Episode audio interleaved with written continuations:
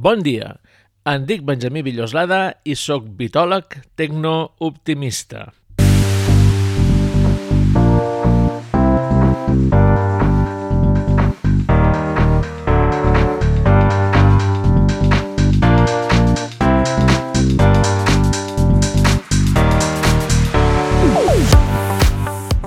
Esteu escoltant el segon capítol de la tercera temporada que gravàrem la setmana del 8 de març de 2021 amb el nas una mica tapat i no, no és res greu. És que comença la primavera. Moltes gràcies per escoltar-nos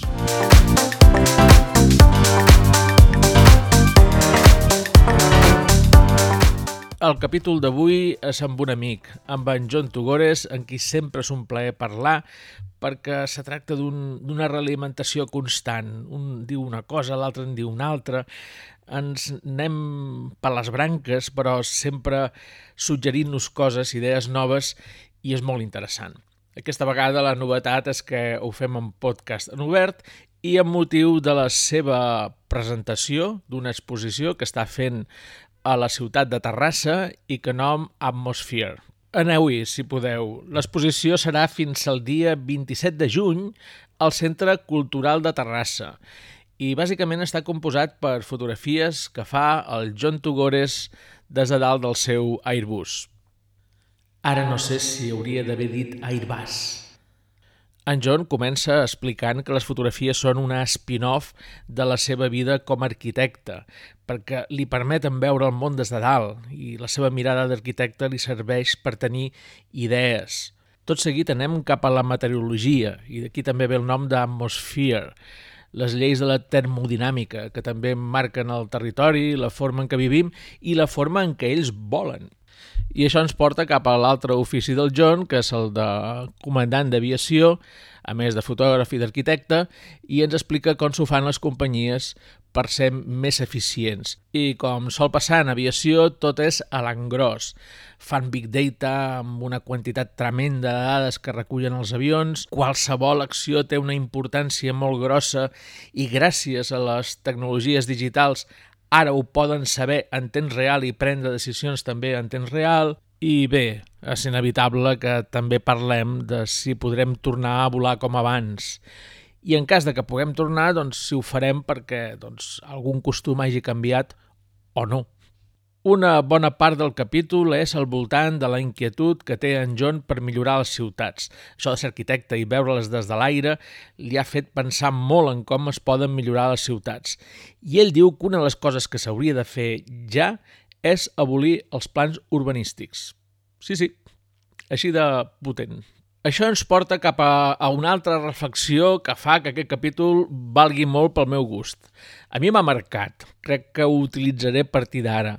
El John, en cert moment, diu que això de pensar des de fora de la caixa, que es considera que és la manera de fer innovació, el famós think out of the box, que no, que no serveix que el que hem de fer és cruspir-nos el bots, cruspir-nos les caixes, fer que desapareixin per sempre i pensar permanentment des de fora d'elles. Així que la segona part d'aquest capítol de podcast està dedicada a parlar de llocs que són caixes.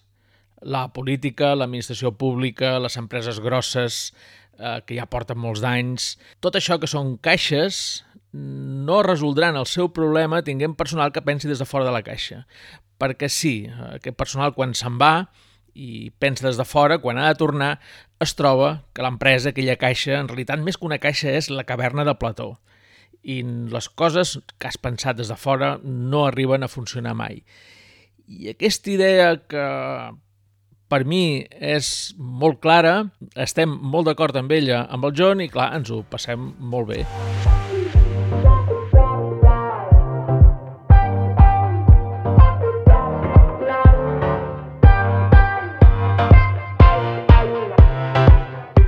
Ho teniu a continuació amb la primera trobada amb en John Tugores.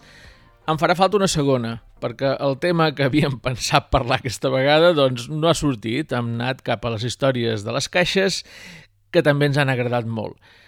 la idea inicial de la trobada i que serà per la segona també la comentarem al llarg del capítol per fer-vos una mica de spoiler i de gola per si voleu repetir. Les coses que són bastant potents l'aviació la, té la marinera, l'arquitectura també té una càrrega tremenda i, i després les fotografies, a través d'aquí es veu la teva mirada i, i això és quasi un, un home del Renaixement, no sé, un, el Da Vinci pintava la, la Gioconda i tu l'hauries fotografiat, diguéssim.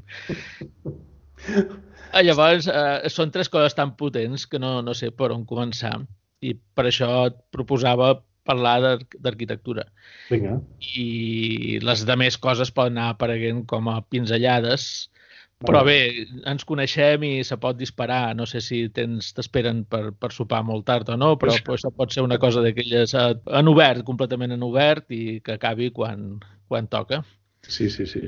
I així eh, serà el pla. Llavors, si et sembla, comencem. Sabem quan comencem, però no quan acabarem. Bye. Perfecte. Doncs vinga, estic molt content de tenir aquí avui en nosaltres en en John Tugores, que no sé com presentar-lo. És el que estàvem parlant ara mateix, abans de, de donar-li en, el, en el Play and Rec, que és el que feien en els casets d'un temps enrere, Play and Rec. Ara només fas Rec, però abans era Play and Rec. És una cosa que sempre em va xocar. Per, per què has de donar el Play si el que vols és gravar, no? Però mira, e-, eren així els, els casets. Tenia un problema d'usabilitat de fons o jo tenia un toc. Possiblement és la segona cosa. En John Tugores eh, és arquitecte, és aviador, de fet és comandant d'aviació amb, amb Welling, i també és fotògraf, i ara és notícia com a fotògraf per una exposició que ha presentat o que està en marxa en aquests moments a Terrassa, i que es diu Atmosphere, que és un joc de paraules amb atmosfera i por en anglès. Ell té una cama mallorquina i una altra britànica. Llavors, la seva exposició Atmosphere ens intenta explicar Uh, no te faré preguntes perquè com a entrevistador soc molt dolent, m'agrada més conversar que no entrevistar i aprofito que tothom aquests dies t'està convidant a explicar la història i que a més a més ja fa una setmana o deu dies que l'expliques, ja la saps explicar tan bé que jo no te puc fer cap pregunta millor que la resposta que tu puguis donar després d'haver practicat tots aquest, aquests dies. Atmosfera. Què és cap... atmosfera? Bueno, un plaer estar aquí amb tu, Benjamí. Eh, atmosfera és un spin-off de la meva vida com a arquitecte. O sigui, jo, jo sóc un arquitecte molt afortunat perquè tingut la sort de tenir el meu estudi propi, que és des d'on estem parlant, on fem projectes i he tingut la immensa sort de veure el territori d'una manera que a tots els arquitectes eh, i sobretot els d'altres generacions han somiat, que és des de l'aire. O sigui, nosaltres hem viscut, ens hem passat centenars, per milers d'hores mirant projectes en planta, mirant coses des de dalt, per entendre com funcionava un edifici, com funcionava eh, una ampliació d'una ciutat, com funcionava una ciutat, com funcionava un sistema metropolità. I he tingut la sort que de sobte, gràcies a aquesta professió que em dona llibertat a l'arquitectura, posar-me a l'aire i veure el món en planta. Llavors, quan comences a veure el món en planta, no tan sols, òbviament, fas una lectura territorial en planta, sinó que estàs veient eh, el concepte de la perspectiva tan mitjaval i veus la perspectiva, eh, dir, més que metaterritorial, o sigui, una cosa d'un bast eh, amb una visibilitat bona pots, Eh, diguem, jo sempre ho he explicat, des de la vertical de Barcelona jo puc veure Madrid, jo puc veure València, puc veure les Balears, puc veure Perpinyan, eh, puc veure Bilbao. Llavors, aquesta oportunitat de veure com s'interrelacionen totes aquelles Això coses... Això és més que el Google Maps, perquè fins ara jo estava pensant en el Google Maps, però ni amb el Maps, ni, ni amb el Maps, ni amb el Earth pots veure aquesta perspectiva que deies des de Madrid, València, Mallorca. Bueno, eh, sí, sí, pots veure en planta una cosa una, certament distorsionada, però diguem, el, la, el món en temps real, el món atmosfèric, d'aquí ve el nom de l'exposició, eh, el buscant... Ah, no, no, no té res a veure amb por. No, i tant, i tant.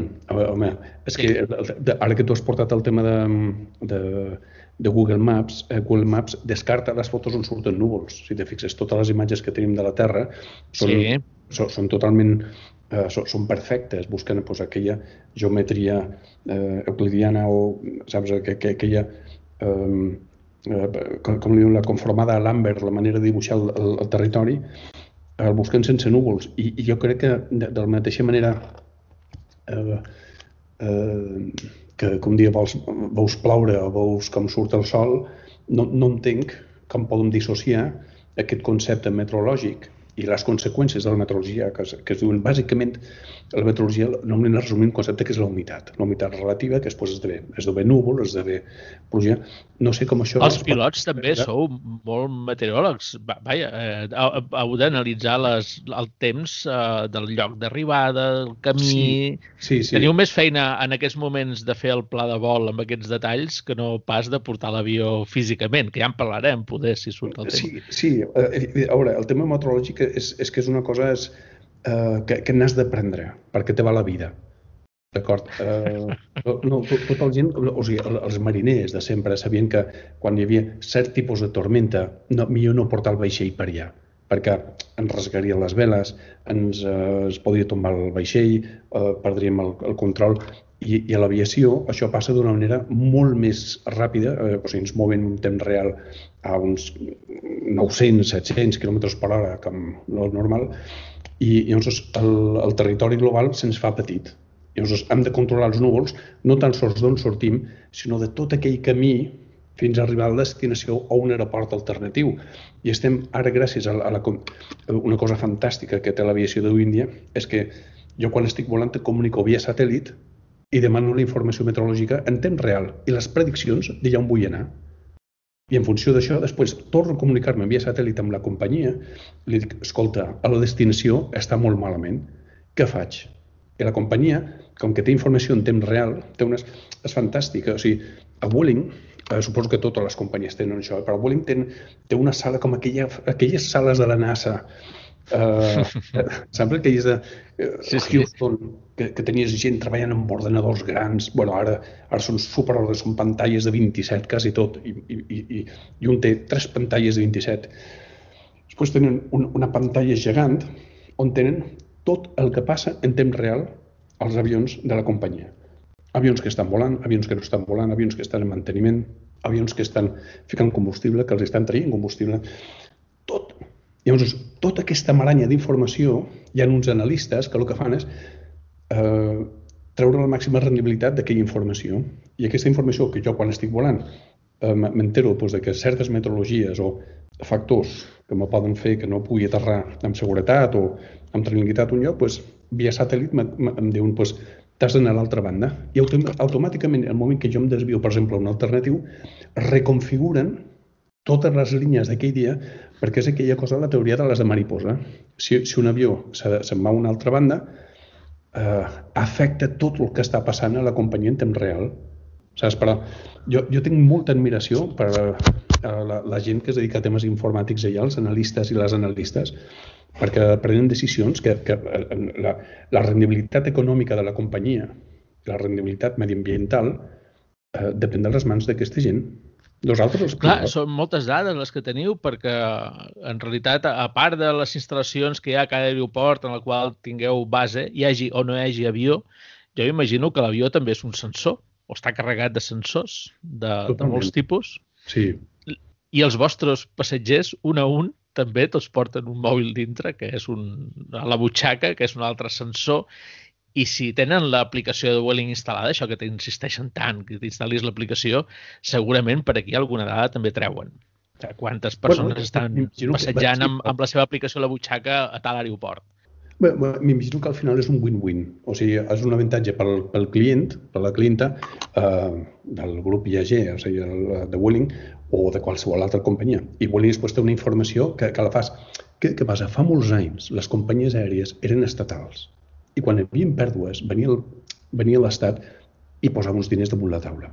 Des del que es va començar a privatitzar, havien de ser rendibles.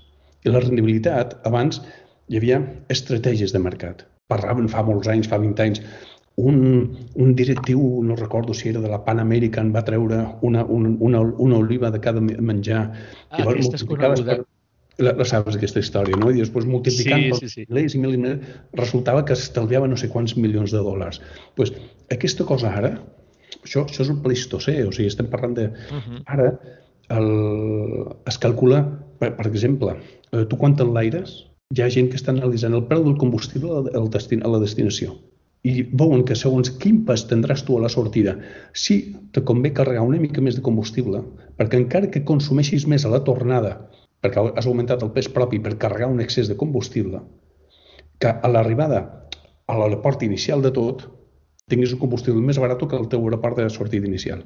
Llavors, és, és sensacional. I, i, i, i qui, qui no té aquestes dades, qui no interpreta, interpreta bé les dades en temps real, se'n va al garete. O sigui, tal qual. Uh -huh. Tal qual. No, clar, perquè treballeu això amb l'economia de l'oliva, quasi. L'economia de l'aviació la, s'ha convertit en una cosa d'escala, de moure moltíssims milions de persones i no tenir gaire marge en cada moviment, però aprofitar al màxim totes les dades, tota la informació per oferir coses addicionals, per estalviar, per... Abans es pagaven els vols a un preu, ja es paguen a un altre, ens movem sí. molt més, i és un exemple molt extrem del que és l'economia d'internet també, que és una economia d'escala. Molta gent, quanta més gent moguis, moguis, millor. Quan més material moguis, millor. Amazon ofereix els preus que ofereix i també la facilitat de devolució i moltes coses perquè ha arribat a una massa tan grossa i amb un anàlisi tan gros de les dades que pot arribar a prema el cèntim i ser rendible, però a base de, de, de volum, de molt de volum. Per això em feu patir molt ara que hi ha aquesta frenada tan grossa, perquè no Mira. només és la frenada pel, pel fet de la falta de, de negocis, sinó que mentrestant hi ha uns avions que va passant el temps i que tenen un preu molt gros. Penso que un dels avions, els avions que portes tu se'n van entre 80 i 100 milions de dòlars, no? depenent del, sí, de l'equipament. 120 milions. I, i, mm. i els aguanteu, quan els aguanteu eh, 15 anys, llavors has de repartir els 100, 120 milions en 15 anys. Potser els de Ryanair, que són més senzills, en valen 90 o 80, però també un, un Airbus sí. Tu, tu vas amb el 220, veritat? O el... el 320. El 320, perdó. Sí, sí, sí. Aquests són, ben, són 120 milions ja, sí, sí. Eh, és, més o menys. Eh, ja no són 80. Llavors, això parat és una pasta. Sí, però les companyies estan, han, suposo que han negociat amb les empreses de leasing sobre què, què fer amb aquests avions. Això és un, és un altre capítol. Però fixa't que les companyies aèries abans, eh, Zaparro Fines, t'explicaven com volar l'avió. Indistintament, de, no, bàsicament el que volien que tu volassis l'avió d'una manera segura. Llavors, a tu t'entrenaven perquè volassis d'una manera segura per evitar accidents, per evitar temes meteorològics, per evitar temes topogràfics, per rebentar contra una muntanya. Um, amb el temps se van donar compte de que jo, jo ho explicava això a, a, a, a les companyies on he estat, eh, s'estableixen uns protocols de vol. Què vol dir?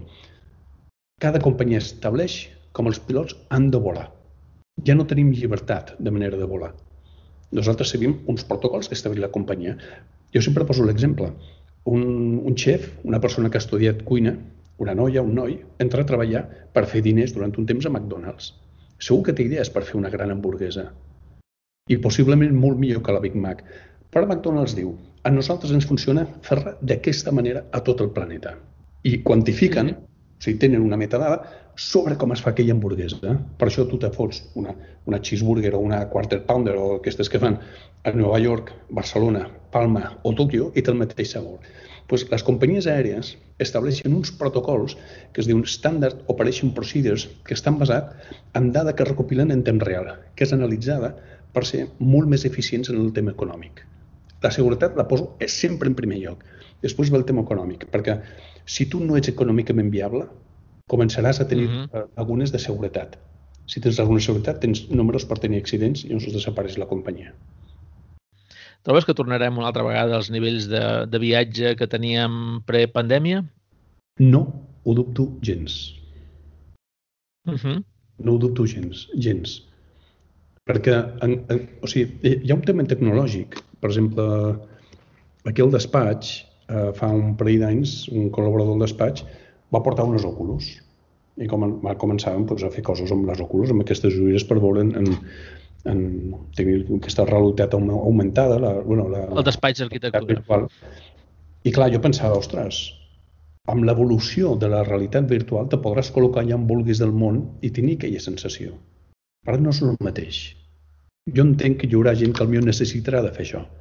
Gent eh, que té alguna malaltia, gent que gran que ja no pot viatjar més, eh, que, que faran aquesta cosa de tornar eh, a, a veure un país que van visitar, inclús tornaran a veure un país 40 anys enrere perquè potser el podran simular. Però tots els seres humans volen tenir l'experiència a Barcelona, volen tenir l'experiència a Nova York, volen tenir l'experiència d'anar a París i pujar, perquè al final ens regim per uns sentits. I fins que la tecnologia supleixi el que nosaltres sentim pels sentits amb tecnologia, encara buscarem la solució, diguem, eh, analògica, que és anar a París, ensumar els carrers de París, tocar i menjar eh, un formatge allà a París i pujar-me al no sé què, de la, pujar-me a la Torre Eiffel i, i vols tenir aquesta experiència. Jo estic convençut que encara n'hi haurà eh, més opcions. O sigui, les, les tecnologies aeronàutiques estan, estan fomentant ara que eh, tu puguis anar inclús a una altra part del món. O sigui, en, en plena pandèmia, Qantas estava, estava analitzant fer el viatge més llarg del món, que era un vol de, de no sé si eren 17 o 18 hores sí. seguides a l'avió que, que anaven des de Sydney fins als Estats Units, que és una barbaritat. Sí. Pues, si, a veure, si ens estem plantejant la vida a Mars, i d'anar a la Lluna. I anar, ostres, que no ens plantejarem d'anar a 4 hores de, de casa. O sigui, serà molt I més costarà fàcil. el mateix.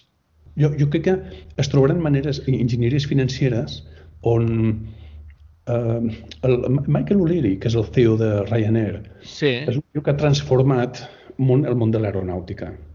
Val? I ell...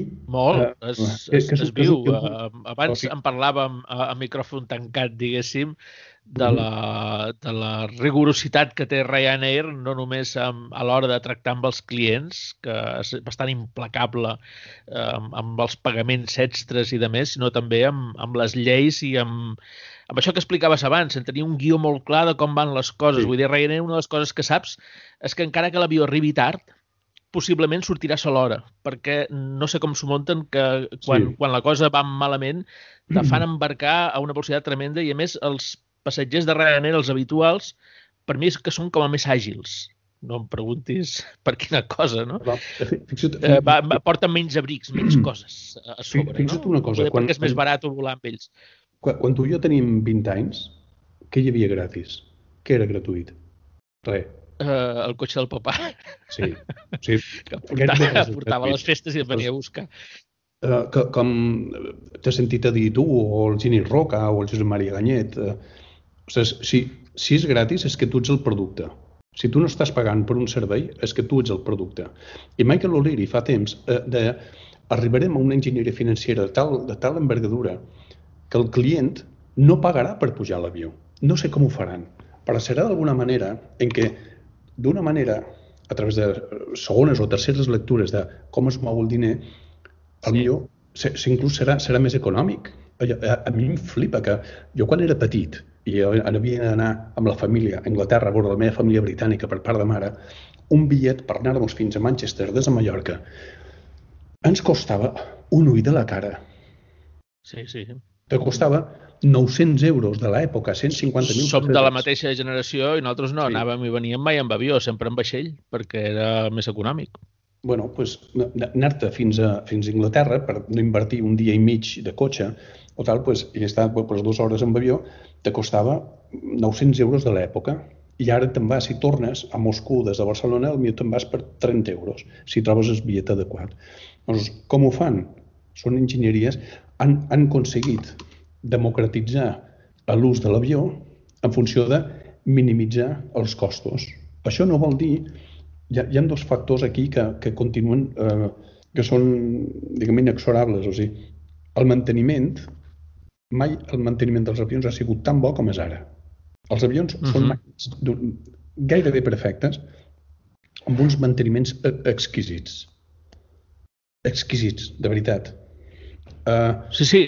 I després, amb, nosaltres... Com a afeccionat en don, en don fe, perquè és una de les coses que m'agrada seguir, llegir, eh, tots els bots i eines que tinc que me suggereixen lectura sempre en coses d'aviació perquè detecten que m'agrada i, i és possiblement de les coses en tecnologia més perfectes que hi ha, sí. més que el software. De fet, l'aviació el, el problema que té és el software en aquests moments, perquè el software és una de les coses que té tendència a fallar de natural. Sí. Uh, sí. I, i els avions no estan, ja tenen, hi ha una experiència acumulada i una quantitat de, de coneixement tan gros posat en cada pern que du un avió que ja no, no falla. I en canvi ara que li estan posant software comencen a sortir els problemes. Però hi ha una part de hardware dels avions que és magnífica, extraordinària. Però hi ha una part, de, per exemple, els Airbus porten més d'una cinquantena d'ordenadors. Mm. És software, i el software ens falla de vegades. Però els avions són maquinàries perfectes, són gairebé perfectes. Tenim software duplicat i triplicat que ens avisa quan falla un, un element de software i de hardware. Llavors, en aquest sentit, eh, no per, i per què ho fan això? Ho fan, evidentment, per les crisis de reputació que t'adona que tu tinguis un problema molt seriós, un incident, un accident. Clar, avui en dia se sap tot tu tens un incident per mal manteniment i la companyia se'n va a la merda. Perdona que parli ara en, en esperanto. La gent que mos escolta, si va a aviationherald.com, trobarà tots els darrers incidents que han hagut les darreres, el darrer dia. Sí. aviationherald.com és, és un sí, lloc sí. d'aeroferits que té disseny dels anys eh, 90 encara, és una plana web que continua siguent igual que era quan la van inaugurar fa molts anys i que allà, eh, eh, incident per incident, i el van actualitzant constantment i pots veure el detall i com després hi ha l'evolució de com se van trobant els motius i, i, i tot comentat eh, amb gent que, a més a més, en sap i dels comentaris també n'aprens un munt i Clar. que confirma això que estàs dient. És tot molt, molt exquisit. És que el, el, el, per mi són les crisis de reputació, com en deia, i després, quan un avió està volant, està produint diners. Els, abans, el, un avió d'aquests de companyia nacional, Air France, un KLM, una Iberia, arribava a destinació i feia una escala d'una hora i mitja, una hora cinquanta. Llavors la tripulació podies dinar tranquil·lament, llegir el diari, venia el combustible, te netejaven l'avió sempre. Llavors s'han donat compte que si aquell avió feia cinc rotacions, o sigui, cinc vols durant un dia, el, el, el retorn econòmic era X i les despeses eren Y. Llavors, ara que han fet, saben que si aquell avió no tan sols està volant fa 5 vols al dia, sinó que si fa 9 i a menys escales no es paga la neteja, sinó perquè hi ha uns serveis bueno, complementaris, i a més vola de nit. Bàsicament creuen els cinturons de seguretat a sobre els seients. Uh, bueno, no, t'asseguro que és bastant complet el que fan ara, eh? comparat amb, amb sí. abans, uh, no, si, si hem Bé, sé, sé que han de mirar a tots els seients a sota si no falta cap, uh, cap uh, armilla salvavides, no? Sí. Això ho han de mirar. No, no, això... Que això, per això, això Ryanair els té a dalt. Perquè tenir-los a dalt si algú els agafés, cosa que ja no s'atreveix a fer ningú perquè t'aveu tothom, però si algú ho fes quedaria la porta oberta i ho veurien de seguida. I amb això evites que te robin... No, no, són llestos Ryanair. Uh, no. Ho, ho demanen, no te posen la pantalleta allà dalt, aquella pantalleta que no te mires perquè tothom està mirant les seves pròpies pantalles sí. i en el lloc de la pantalleta doncs hi tenen els salvavides i això fa que doncs s'estalviïn uns minuts entre a cada, a cada vol perquè no han de mirar sota els seients. No, no ho sabia això, i, i això ara mirar m'ha picat la curiositat, ho miraré. Perquè és curiós, perquè si el poses damunt del cap, que és on te cauen les mascarilles d'oxigen, en moment si tens una sí. despressurització i tens eh, una possible hipòxia, te cauen aquestes mascaretes, les mascaretes que generen oxigen s'escalfen uh -huh. una barbaritat, però poden arribar a provocar si no està ben cuidat i, el, i és un sistema antic, poden arribar a provocar un foc.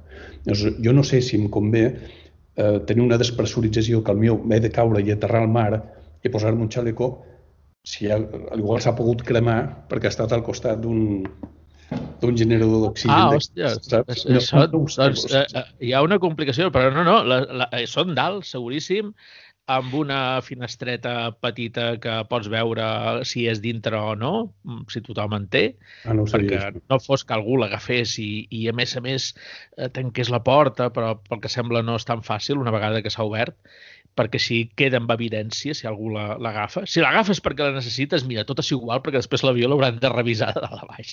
Però que no mm. sigui un, la gent que s'endú els cinturons de seguretat, que s'endú eh, les armilles salvavides, aquestes coses les eviten, les eviten així com tampoc els seients tampoc no se poden reclinar, perquè si no se reclinen primer, que ningú protesta, perquè això amb avions en tan poc espai, si se te reclina el del davant, sí. te posa directament el cartró a la, a la cara. Sí, sí, això, sí, sí. això és així.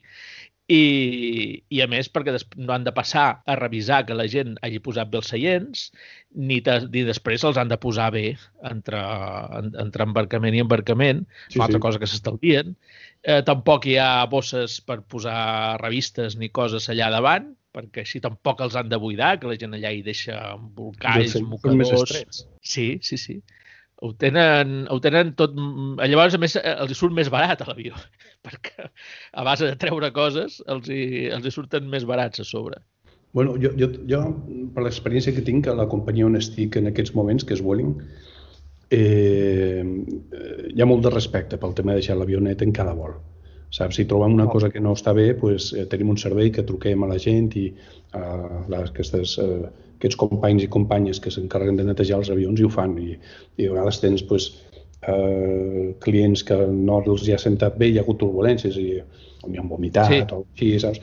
Ostres, i aquestes coses, clar, l'olor eh, és una cosa bastant... I tot això hi ha molta cura. Clar, però si, si una, un vol ha estat normalet i no ha passat res, se creuen cinturons, queda algun paper, algun botell d'aigua, coses aquestes, però ara amb el Covid és curiós que la gent ha agafat un, un punt de respecte cap a l'avió molt més interessant. Què vol dir? Ah, sí? La, la, la gent no deixa coses ja, saps? Jo els vols que he fet durant l'època del Covid, eh, els avions, la, la gent té la tendència com deixar-lo més net. Com el vull trobar net, el deixaré més net. Aquella cosa, aquell letrero que tenim als banys dels avions, que de, dejar el baño como, quieres, como te lo has encontrado, como solo quieres dejar el siguiente uh -huh. pasaje. Ostres, i, i és una cosa que m'ha agradat. Saps? Suposo que el contagi ha, que, ha fet que la gent té un, un plus, un plus afegit amb el tema de, de, de com deixar l'avió. Està bé. Uh, preguntava pel tema del, del preu, perquè hi ha qui diu que amb aquest càlcul que hi ha tan, de les dades tan exagerat eh, feia que molts vols quedessin pagats eh, la part de la rendibilitat amb els vols business que es paguen molt cars. Dir que hi ha gent que li surt un negoci, li surt una reunió per demà o per, la, per aquesta mateixa setmana i que aquests eren els que acabaven comprant els vols més cars i que després la gent que planifica un viatge ho fa en temps i, i mira, aquests, aquests vols, aquests bitllets, vull dir, servien per pagar la, els gastos generals, diguéssim, no? la benzina i de més, però que el guany hi era amb el business. Uh -huh. I que si ara, per les videoconferències, ens movem menys, hi ha estudis que diuen que hi ha només un 30% que diu que continuarà fent conferències en presencial com les feia abans i a més aquests estudis diuen que solen ser els executius de més de 50, els de la nostra edat, diguéssim, són els que diuen que, que sí, que tindran, que tornaran a volar una altra vegada per negocis quan puguin, però que en canvi tota la generació més nova de, de treballadors i d'executius que se troben molt còmodes amb les videoconferències i que funcionaran diferent. Llavors, que només un 30% tornarà a, en business el que era abans i que llavors faltarà mm. una part de finançament per les companyies aèries i que els vols de turisme seran més cars. És una teoria que te la comento perquè poder eh, has sentit altres coses perquè tu mm. t'hi mous en aquest món. Sí, a veure, amb el tema de preu jo he de reconèixer de, uh, fa poc un professor de l'escola d'arquitectura em va trucar i em diu escolta, um, que, que em costaria un bitllet a Milà? I jo li vaig dir, mira, si tu segrestes un avió, jo te porto a Milà. Vale? Però jo de bitllets i de costos de bitllets, normalment és que estem treballant televisions són els que menys en sabem, perquè a més uh -huh. nosaltres tenim bitllets gratuïts per part de la companyia, etc etc. Llavors, bitllets d'avió, diguem que jo sóc el menys compra de, de, de, del mercat. És com quan els mallorquins es pregunten a, a quin hotel me recomanes, no? Dius, mira, a Mallorca no m'ho preguntis. Pregunta-m'ho de Barcelona, de, de Madrid, però és que a Mallorca no anem, els mallorquins no anem a hotels. Eh, exacte. Llavors, és bon exemple. El, és el que explicava abans, el tema de l'enginyeria financera. Jo crec que eh, es trobaran maneres. Eh, és cert que durant la pandèmia, en el moment que la gent va començar a fer Zooms, eh, la gent deia, ostres, hem accelerat un procés que durant molt de temps semblava que havia d'arribar, que és el de la no necessito invertir sis hores entre taxis, aparcar o cotxe, cotxe privat, aparcar, facturar, agafar un avió i anar-me'n fins a Madrid per tornar-li per tenir una reunió de dues hores. La gent va dir, ostres, poden eh, maximitzar la nostra rendibilitat diària eh, minimitzant segurament un, uns costos que no, que no tenen sentit. Però també he sentit el contrari. Això durant molt de temps. Hi ha, hi ha molta gent que té ganes de, hòsties, de, de donar-te la mà, de, de veure't, de tenir la reunió, de tocar, eh, to, tocar les teles quan vas a, per exemple, eh, vols que fèiem el, a Santiago Compostela, a Corunya, gent que va treballar, per exemple, amb els temes de Zara, i t'adonaves compte que pujava gent pues, amb teles perquè anar a tocar-les. Llavors, hi ha una sèrie de coses que segurament podrem millorar i no fa falta agafar l'avió ni el tren, ni el cotxe, uh -huh. perquè no és tan sols un tema de la gran escala o media escala, sinó també a nivell urbà. Però eh, jo crec que la, som animals de costums. I jo encara, si puc fer una visita d'obra presencial, si puc fer eh, anar a un lloc i, o sigui, jo aquesta conversa sempre agradable que tinc amb tu, si la puc fer amb tu davant d'un got de vi o, o una, hòstia, t'asseguro que ho penso fer. Llavors, que, mm -hmm. crec, no tinc dades i crec que les dades que surten publicades estan massa contaminades per la informació que tenim sobre el coronavirus actual. O sigui, si nosaltres, paulatinament, els últims 100 anys, o des de que acaba la Segona Guerra Mundial, paulatinament hem anat viatjant més, eh, què és el que operarà o modificarà? El, jo crec que el camí no serà que operarà, sinó que serà modificat o reconduït, perquè sí que tenim tecnologia per fer segons què, però, ostres, eh, potser aquesta tecnologia també m'obre les portes per anar un lloc que abans no m'imaginava. Abans tu t'anaves a, la, a les agències de viatges, que entre tu i jo no sé com encara existeixen, però bueno, estic content de que existeixen, uh -huh. i dius, eh, tengo eh, 100.000 pesetas donde puedo ir. I aquella persona tan amable davant de, mira, tenim un catàleg i tens, pots fer un creuer, pots anar a veure els clàssics a Itàlia, pots anar a Grècia, te pots anar als Estats Units o, o Mèxic o Cancún. Ara tu tens informació de primera mà per qualsevol activitat que t'interessi a la vida, tu ets un professional de la ximbomba i al millor un campionat de ximbomba a Coyonanta, a Quito, i gràcies a la tecnologia veus que hi has, i vols anar, hi voldràs anar. No ho sé. Uh, mm -hmm. jo, jo crec que ens falta capacitat analítica i treure de damunt com aquesta, aquesta, uh, aquest vel que ens ha posat el coronavirus per, per, per veure quin camí hem d'agafar. Jo, jo crec que la gent viatjarà encara més, val? però hem de veure com, de veure quin, com, qui, qui ho pagarà, quins costos tindran, això sí. Moltes gràcies per aquesta visió diferent. El, la teoria que jo vaig fent a poc a poc sentint amb uns i amb els altres perquè és qüestió de mirar d'aprendre de tothom i llavors eh, aquí és on es veuen els, els camins i també es descobreixen el wishful thinking que seria pensament desideratiu hi ha gent que de vegades eh, pels desitjos, el que voldries que passés real o no, en cas de que no sigui real, llavors ja és pensament màgic, tendim a, a només voler veure un, una versió de les coses, no? quan realment n'hi ha més. El que té que veure l'arquitectura, que també en, en parlarem, és que sembla que sí que hi ha un canvi cap als viatges de, a diari, que, que sí que poden, no tenen tant d'incentiu el fet d'anar cada dia a l'oficina que ja te la coneixes. Uh mhm. -huh. I aquesta cosa sí que sembla que està canviant i que els viatges eh, que tenim a, cap a, des de la feina cap a casa, al ser mínims, possiblement hi haurà, o sabeu la tendència en segons quins llocs, encara no gaire a Espanya, però en llocs amb més tecnologia, que ja tenien els eh, sistemes de treball agile, àgils, que els hi permetien treballar per, per objectius, sinó per hores. Eh, allò que és, en Agile se parla de, amb un projecte, dividir-lo amb, amb sprints, amb metes. Això permet treballar de forma més remota i també gràcies a la tecnologia, juntant eh, les videoconferències, les eines de treball en grup, que n'hi ha moltes, amb, amb el cloud, fa que anar a l'oficina pel coronavirus s'hagi vist que no és tan necessari i que s'estan començant a comprar habitatges als extraradis i que se cerca que tinguin més habitacions i més espai per poder fer videoconferències. Si n'hi ha dos que treballen a casa, doncs poder necessiten eh, tenir certa separació per, mm, en, en certs moments de, de tenir reunions i de la mateixa manera que això existia a les oficines, hi havia els llocs per tenir trobades diferents en el lloc gros de treball, doncs també les cases ho comencen a necessitar, però a l'esterradi doncs, les cases són més grosses. També que hi hagi un espai eh, de terrassa i de jardí s'ha valorat més amb la, amb la pandèmia, quan encara que poder no, no estarem una altra vegada tan recluïts, però s'ha trobat a faltar que puguis tenir un, un espai vital d'esbarjo al voltant de la casa, que no surti si tot sigui ciutat i gent i gent i gent.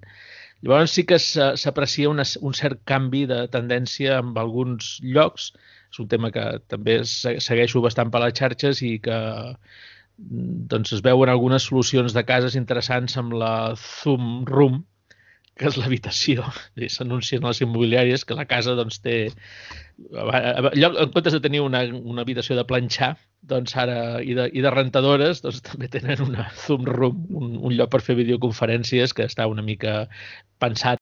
Poder aquesta part sí que la tindrem, la dels viatges diaris, més restringida i, i hi haurà algun canvi, però els viatges excepcionals, els de tant en tant per trobar-te en gent de forma ocasional i gent interessant i per projectes interessants i el que deies també tocar, poder se continuaran fent. I això, de rebot, serà l'oliva aquella que ens permetrà tenir viatges de, o que l'economia no sigui tan, tan estreta com per que els viatges de plaer se, se disparin de preu, no? perquè hi ha alguns que encara ens agradaria poder anar a Japó per 400 euros, i, que, que és el que podíem fer fins ara, i, i que no en costi 1.400, que és el que podria costar amb, amb el món business. Bé, hem, hem parlat del tema de l'aviació sense sí. voler, perquè era el tema de l'atmosfera. La, suposo que l'exposició B, no? Que era, no, però... Que, ah, era el que, amb el que havíem arrencat i que tu m'has dit uh, uh, jo tinc una visió del món des de l'espai que és diferent. Sí, vale, I, ara et tornem gràcies, a l'arquitectura. Gràcies, gràcies a la, a la, al meu ofici i, i això no s'ha duit cap als avions i cap a tot això altre, sí, però sí. bé, la, la cosa era que ens expliquis com va l'exposició que tens a Terrassa. Mira, l'exposició va extraordinàriament bé, el feedback que tinc és sensacional de la gent. Eh, comentaris personals, eh, missatges, e-mails, eh, m'estan fent molta entrevista, eh, s'estan venent moltes fotografies, cosa que és fantàstic.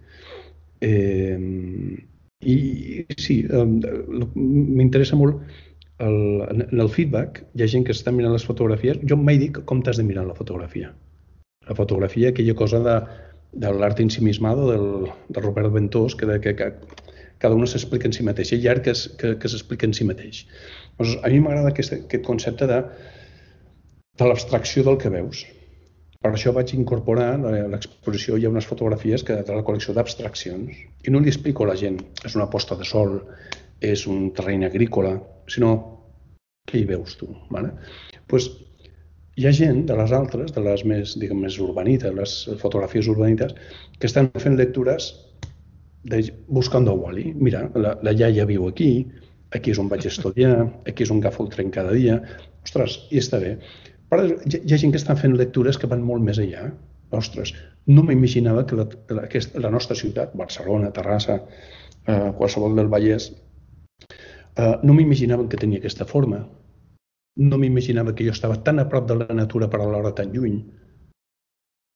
És, és sensacional les eh, lectures que fa la gent. Jo, jo li dic, abans d'escoltar-me a mi parlar de les meves fotografies, m'agrada més escoltar a veure què, què hi veus tu. I, I estic aprenent, estic aprenent molt. Però el, en línies generals, ostres, sensacional. O sigui, eh, realment va ser una aventura eh, una èpica aventura a proposta del director de la Fundació de la Caixa de Terrassa, eh, l'Adrià Fornés, un noi encantador, eh, uh -huh. noi perquè és més jove que jo, però ja té la seva edat també. I, i, i, i quan em va conèixer que la cosa era per fer una cosa molt petita per nens, quan va veure el meu treball va dir t'animes amb aquestes sales tan grans d'aquí? I aquesta cosa latina, que crec que ja te vaig comentar, de agárrame el cubata, que jo me pongo, saps? I, i ha estat un repte personal molt, molt gran, perquè de sobte m'he vist en, el, en aquest món meravellós que és el de la fotografia, fent una exposició, una macroexposició per mi, que són 26 fotografies grans, eh, en un lloc privilegiat, en un entorn fantàstic i amb una receptivitat per part de l'organització, que és la Fundació Caixa Terrassa amb el BBVA, eh, cap a una llibertat explicativa del que jo podia fer el que volia. I d'aquí surt aquesta col·laboració amb tu, sortiran les taules redones que tindran lloc doncs, el mes d'abril i el mes de maig i el concert final. Val? Però l'única pinzellada que li dic a la gent és si te'n vas d'aquí pensant com hem d'intervindre nosaltres al territori, com hem d'utilitzar la nostra ciutat. Quan la ciutat tu la utilitzes, tu baixes a comprar el pa, vas a canviar els pneumàtics, vas al col·le, vas a, vas a fer footing, vas en bicicleta, vas a fer un vol, vas al metge. Doncs utilitzem la ciutat. La, la ciutat és una relació interconnectada de, de serveis. Doncs, si tu te'n vas a casa pensant només una miqueta de ostres, com puc utilitzar millor la nostra ciutat? D'acord? Com plantegem els canvis per una ciutat millor. D'aquesta fosa, fantàstica frase de l'Alan Kay que vas posar, que t'agraeixo molt, d'allà al període. Uh -huh. Al contrari, t'ho agraeixo tu, és un plaer. Va, va ser una sorpresa, que quan em vas dir ei, que vull un panell amb aquesta cosa que tu havies interpretat. Va, va ser sí. la teva visió d'un apunt de bloc meu eh, sobre el projecte Suricata, que se -huh. bàsicament de metadades. Jo no utilitzo la paraula metadades, me penso en tot l'article, però tu la vas posar perquè en realitat és el que parlo, de, de que en el món li falten metadades en el nostre entorn perquè aquest tractament, que, aquesta mirada que està fent que molta gent pensi uh, coses veient les teves fotografies, doncs si li posem aquesta capa de metadades, hauran robots, hi haurà software que ho associarà amb les dades que se produeixen eh, en aquella zona en la qual hi ha aquelles metadades i, i amb aquesta informació podrem millorar molt l'entorn. Eh, trobo que n'hi ha, ha de metadades, però està posant Google.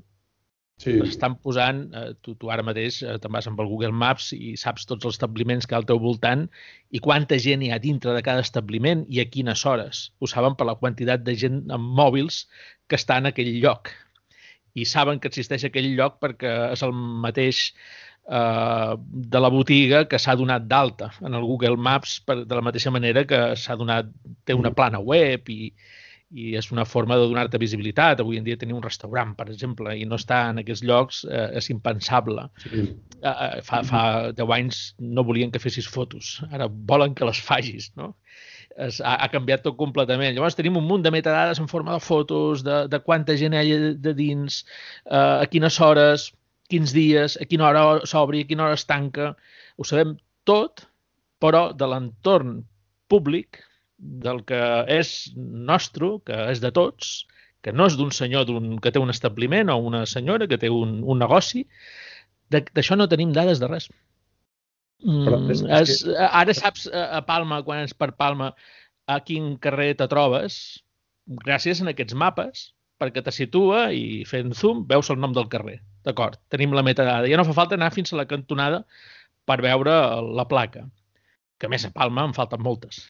No, no, no és com Barcelona, que n'hi ha totes les cantonades. Però, per exemple, si vas en cotxe no saps a quanta velocitat hi has de circular. I ara hi ha carrers de 30, de 40, de 50, i a més a més, quan és de 30 has d'anar molt alerta, perquè és molt fàcil anar a 35 o 40, la que et descuides. Ja tens un flash, una foto, no? Llavors, jo voldria que el cotxe m'avisés i que ja hi anés sol a 30 o que ja no accelerés més, que llegís aquesta metadada que estigués posada sobre del territori d'alguna manera. I bé, la notació aquella que tinc l'honor de que posessis en l'exposició té que veure amb això, de la necessitat de metadades que tenim en, en aquestes... En el teu cas, a les fotografies que ensenyes, doncs imaginem-nos que... que hi hagués una capa nova més. És que, clar, com, com interpretem les ciutats? Uh, recordo aquesta anècdota, que ara no sé, no recordo si era Aristòteles que li deia al seu fill, era, era, un, era un dels grecs, i li va dir al seu fill, escolta, el, el temps fi meu per tu passa més ràpid que per mi. No, no, no, no era cert. Després es va donar compte, no, el temps passa igual de ràpid, el que passa és que jo ja tinc una idea, interpreto la velocitat del temps d'una altra manera.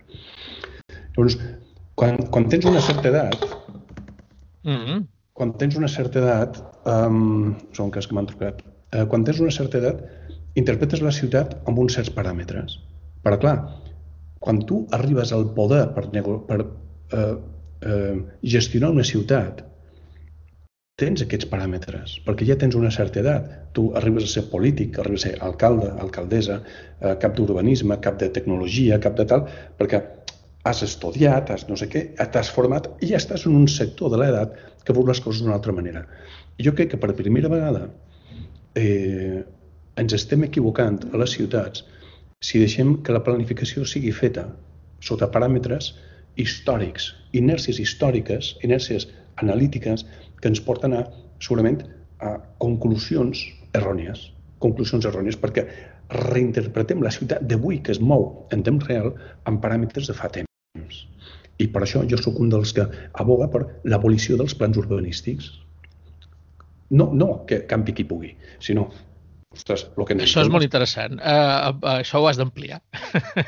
El que dic és, clar, um, per exemple, a la ciutat on visc, a Terrassa, sí. um, el pla urbanístic general és del 2003.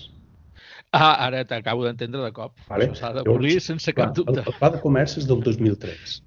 Sí, sí. Clar, Ostres, uh, 2003. 2003 uh, uh, Amazon... Amazon encara no tenia beneficis. Exacte. N'havia tingut accidentalment el 2002. Vale. Llavors, però fixa't que avui en dia uh, tenim una planificació urbana on el preu del sol està basat en com ordenem el territori, com el construïm o el deconstruïm, um, com fem les autopistes. Hem de continuar fent autopistes grans, petites, per cotxes elèctrics, no hem de tenir motor, han de ser adoquinades. Um, L'altre dia llegia un article sobre un, un, un traspol, un paviment que han fotut a, a certes carreteres que estan fent a Holanda, on tu, mentre circules, estàs carregant el cotxe. Mm -hmm. Ostres, és molt interessant, això m'interessa molt. Però clar, una persona avui en dia vol obrir un comerç a Palma, a Barcelona, a Terrassa, a París, i vol obrir una croissanteria perquè és el que sap fer. Per què no va a un lloc on li diuen mira, és que aquí on tu vols muntar la croissanteria perquè tens un local barato, tens un local econòmic, aquí no et compraran croissants perquè curiosament estàs en una zona de celíac, no ho sé, és una suposició estúpida, però vull dir, sí. els anàlisis de mercat, que abans havies d'anar a gent que t'analitzés i durant un mes estan analitzant qui passa pel carrer, no sé què, ara els mòbils, els ordenadors, les dades, ens informen de si un negoci serà rendible o no, o quina necessitat tu tens en una ciutat de fer segons què. Ahir llegia a Twitter com Amazon està fent proves de robots que te porten el paquet a casa ja. Cotxes autònoms van per la ciutat, mm. s'obre una porta, baixa una espècie de velociraptor raro d'aquests uh, d'enginyeria de quantum physics, se va fins a la teva porta, te deixa el paquetet, se torna a ficar el cotxe i el cotxe autònomament se'n va. Amb la qual, què vol dir? Aquella cosa gairebé serà puntual. Tindrà responsabilitats, no es cansa i podrà treballar 24 hores. Això tindrà conseqüències a les ciutats. Si no, ens, si no, si no fiquem aquests paràmetres nous dintre dels projectes de ciutats d'ara, no sabem quines conseqüències pot tenir. I quan dic això, no estic dient hem de fer una ciutat per robots. El que estic dient, hem de fer una ciutat per, per a veure si, si em surt la paraula, pel, pel no sé què passarà. Jo no sé, no tinc ni idea com serà la ciutat d'aquí cinc anys. Però sí, sí, Això t'anava a dir. Però sí, 5 sí, anys. Vull que sigui. Perquè el meu d'aquí 5 anys ja no comprem res. El meu tot se crea automàticament a casa amb un ordenador 3D i, te, i tu vols unes patates fregides de no sé on i te les fa un ordenador. Vés a saber. No ho sé. Llavors, tot allò que he parlat no, no serveix. Però hem de crear una, una, una ciutat esponja, una ciutat capaç d'adaptar-se en temps real a tot el que canvia. Perquè si estem esperant que els holandesos, els de eh, Silicon Valley, els de San Francisco, els de Nova York, els de Moscou, els de Pequín, ens agafin, la, agafin el, la, el primer lloc, nosaltres sempre serem plats de segona taula. Sí, sí, ja ho som ara. De fet, uh, uns quants capítols enrere d'aquest podcast, en Xavi Rizzi, que va viure 11 anys a la Xina, sí, el vaig allà el tema dels repartidors ens explicava que és l'habitual i el que no és habitual és trobar botigues en els baixos del, dels edificis ni de les ciutats. L'habitual és que vingui algú i, i tenen bons sous, els repartidors en quant al, a la Xina hi ha una quantitat de sous tremenda, els repartidors se podien comptar entre la classe mitja i eren indispensables i molt ràpids i te portaven a casa doncs un parell de, de tornillos. No, no feia falta que fessis grans compres perquè en el moment en què fas tants de repartiments, eh, ja és una parada més i tant fa que siguin uns tornillos, hi ha menys benefici, però poder el següent paquet que entregues pocs metres més enllà sí que en té, no? I, i és la mitja aquella, igual que amb els vols, n'hi ha alguns que s'han venut algunes seients molt barats i n'hi ha d'altres que s'han venut caríssims. Mm -hmm. Doncs amb, amb això també juguen els, els repartidors, perquè la gent compra coses de molts diferents preus i no hi ha preus mínims i per això també ens estranya comprar coses a AliExpress d'un euro i que t'arribin sense ports des de la Xina, no? Com estan fent en aquests moments. Per què? Doncs perquè tot va en grans volums i unes coses compensen les altres degut a aquesta anàlisi tan profunda de les dades que hi ha. Llavors, això que està passant ara a la Xina, poder ens hauríem de començar a, a mirar-nos-ho, perquè també t'ho has sentit dir tu alguna vegada, podria ser que d'aquí a 20 anys no hi hagin establiments en els baixos dels edificis.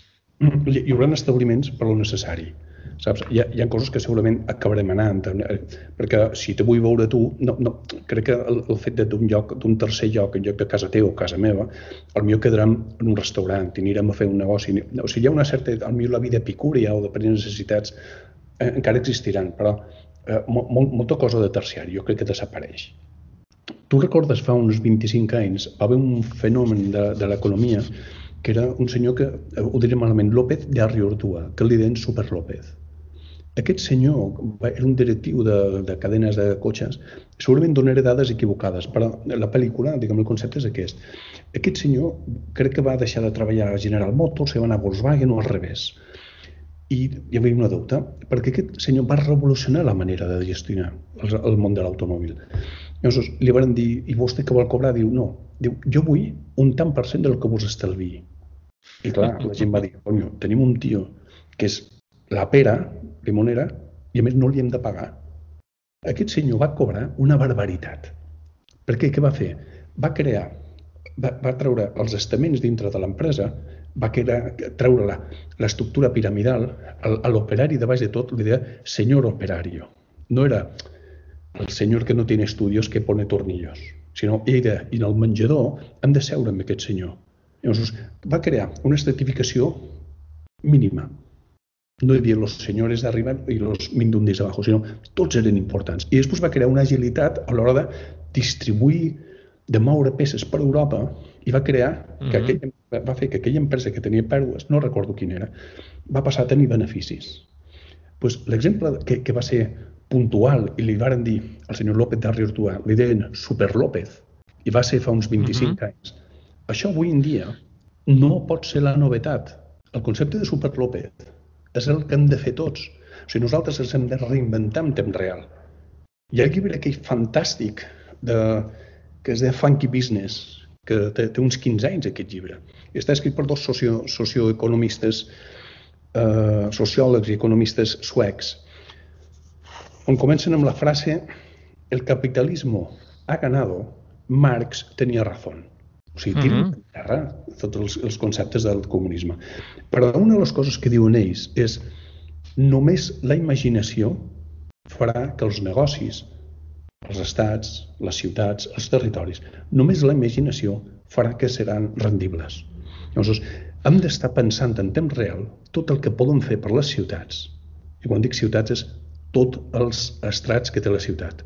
Mobilitat, habitatges, oficines, hospitals, eh, energia, eh, tot ho hem de pensar sense... O sigui, ara ja no, no, no podem fer ja de think out of the box, que tenen els americans. Surt del paràmetre, surt, surt de la caixa i pensa fora. És que aquest box la, la, ens l'hem de cruspir. Hem d'estar... Per...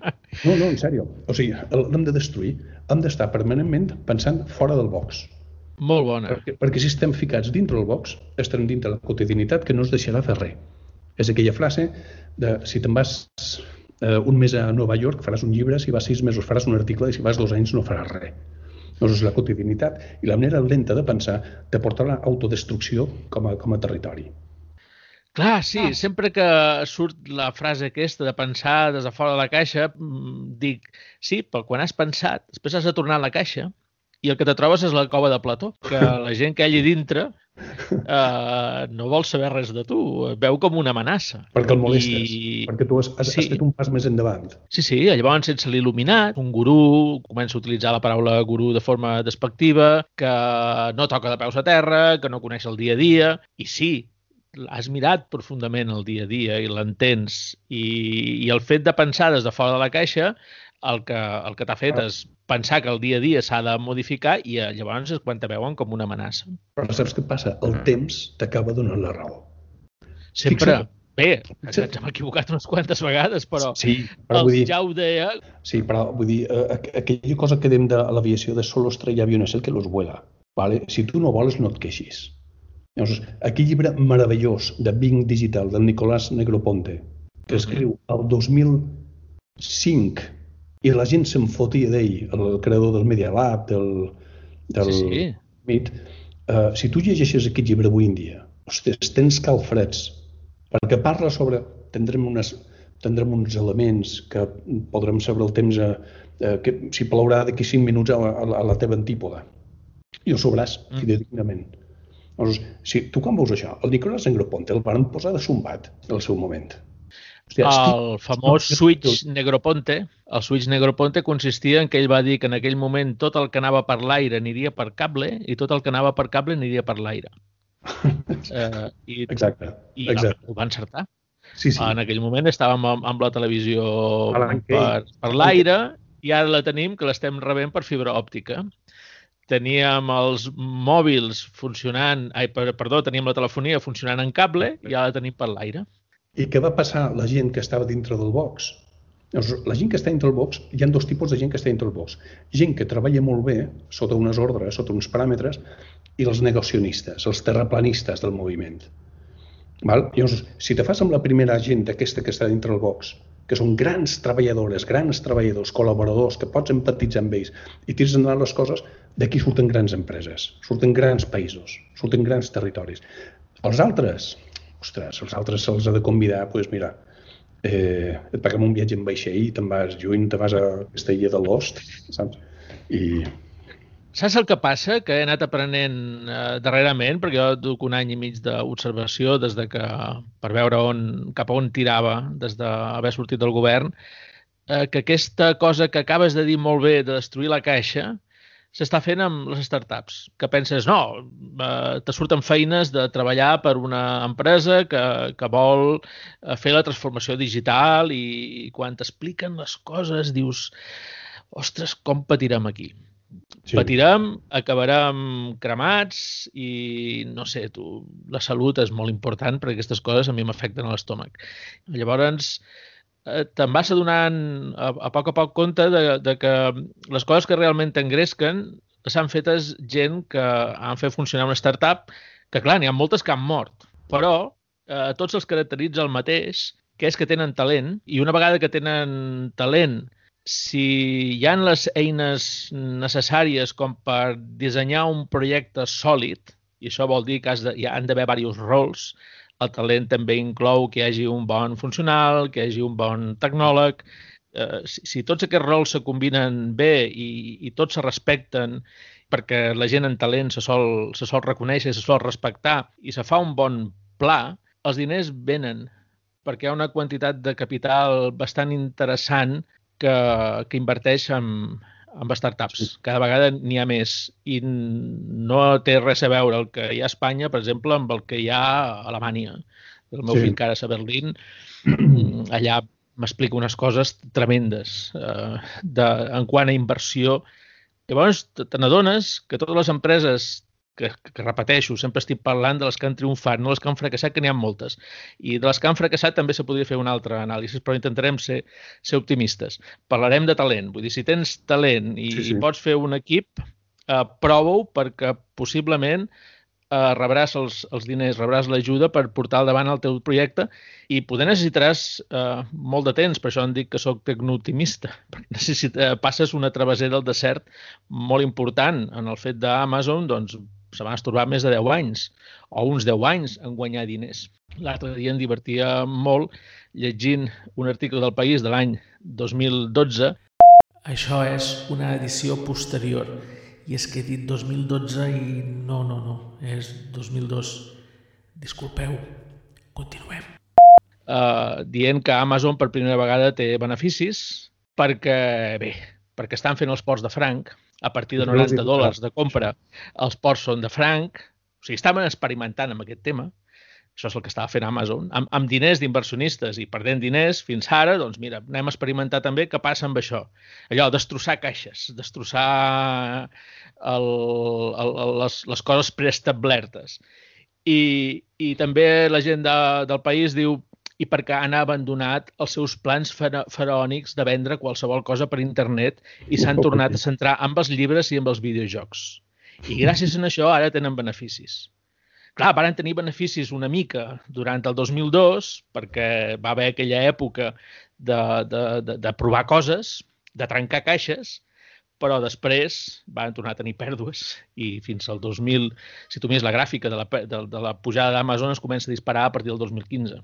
Beneficis ja en tenen abans, però es sí. comença a disparar a partir del 2015 en pla exponencial, que és allò que mm, si en el 2009, 2010 eh, comprava a Amazon i havia d'anar a correus si només veia un paquet o dos més d'Amazon, ara els dimecres, no, dijous que passen a recollir cartró pels carrers de Lloseta, a totes les portals a baix hi ha caixes d'Amazon. Vull dir que el, el canvi dels últims 10 anys ha estat una exageració, però han estat molt de temps perdent i també varen començar de zero. No és una empresa de distribució que digui, eh, una llibreria que digui ara farem la transformació digital perquè el futur és aquest. La gent que canvia completament el món de l'aviació, que és EasyJet, ja ho havia provat abans completament trencant caixes des de fora de la caixa prescindint de les agències de viatges a través d'un número de telèfon. També varen fer això, també varen trencar la, la caixa EasyJet perquè en comptes de tenir agències tenien un número de telèfon. Tots els avions d'EasyJet eh, al començament dels 90 portaven un número de telèfon gratuït fotografiat mm, gegant, a totes les... gegant. Eh, fotografiaven, la publicitat era la fotografia de l'avió perquè la fotografia de l'avió tenies el número de telèfon, els diaris, les tanques sí, sí, sí. publicitàries, arreu, mm. i algú li va dir, d'una agència de comunicació, li va dir, per què no vens per internet? Uh, al començament de la web. I el director, que té un, o el fundador, que té un nom grec que no recordo, sí. va dir que, que no, perquè a internet només li comprarien quatre nerds que no, no donava per omplir avions el fet de vendre internet. Però la gent que va fer la plana web va tenir el detall de posar un número de telèfon diferent només a la fotografia de l'avió de la plana web tenia un número diferent que la resta de tota la publicitat que hi havia en el món analògic, diguéssim. Llavors, després d'un temps d'avaluar el número de vendes que se feien de les trucades de gent que havia vist el número a la plana web, li varen ensenyar en el grec i li varen dir, mira, quanta gent ha comprat no per internet, sinó pel número que només és a internet, només el poden haver vist aquí. Aquests nerds que tu deies, mira, has, has venut tants, tants de vols gràcies a aquest número. I el tio va dir, hòstia, uh, és més del que em pensava. I va ser quan varen fer la primera plana web de venda de vols per internet amb check-in inclòs, perquè ja, ja formava part de l'invent. Vull dir, en el moment en què compraves el vol amb una web que era simple, que la podria haver fet un PrestaShop qualsevol d'ara, quan acabaves de comprar el vol, te, si l'avió tenia 130 butaques, tenies el número de les 129 i 130 per tu i la teva parella i tenies un full que deia 129 i 130, l'imprimies i amb allò ja pujaves a l'avió. Aquesta era tota la... No, no, no feia falta check-in, el check-in ja el tenies implícit pel fet d'haver comprat i d'aquesta forma tan simple, sense enviar ni bitllets, perquè les companyies després varen començar a vendre per internet perquè varen imitar el model d'ells, però no pensaven des de fora de la caixa. El fons continuaven en la seva caixa i t'havien de portar no sé, el 2007 fem un vol a Nova York i me'n recordo que Seur va haver de portar els bitllets a casa. I fer check-in a la web el 2007, no. I era la Virgin, que és una companyia que la Virgin Atlantic se suposa que és, és de, les, de les modernes, de les avançades. Doncs no. I llavors tu vas mirant tots els casos que t'agraden i tots són de gent que ha cremat les caixes. I com tenien talent i tenien, han fet un bon equip i han fet uns bons plans, han caigut inversionistes que els han permès estar tots aquests anys perdent. Però arriba un moment en el qual es converteixen, després d'aquesta fase de decepció que es llarga, es converteixen en disruptius i ja no hi ha qui els pari. I els altres, els que han continuat en la seva caixa, fent excursions cap a dintre, cap a fora i de més, eh, acaben desmonetitzats. La manca de cintura de, de, de, de lidereses, de líders, ha, ha fet caure empreses i països.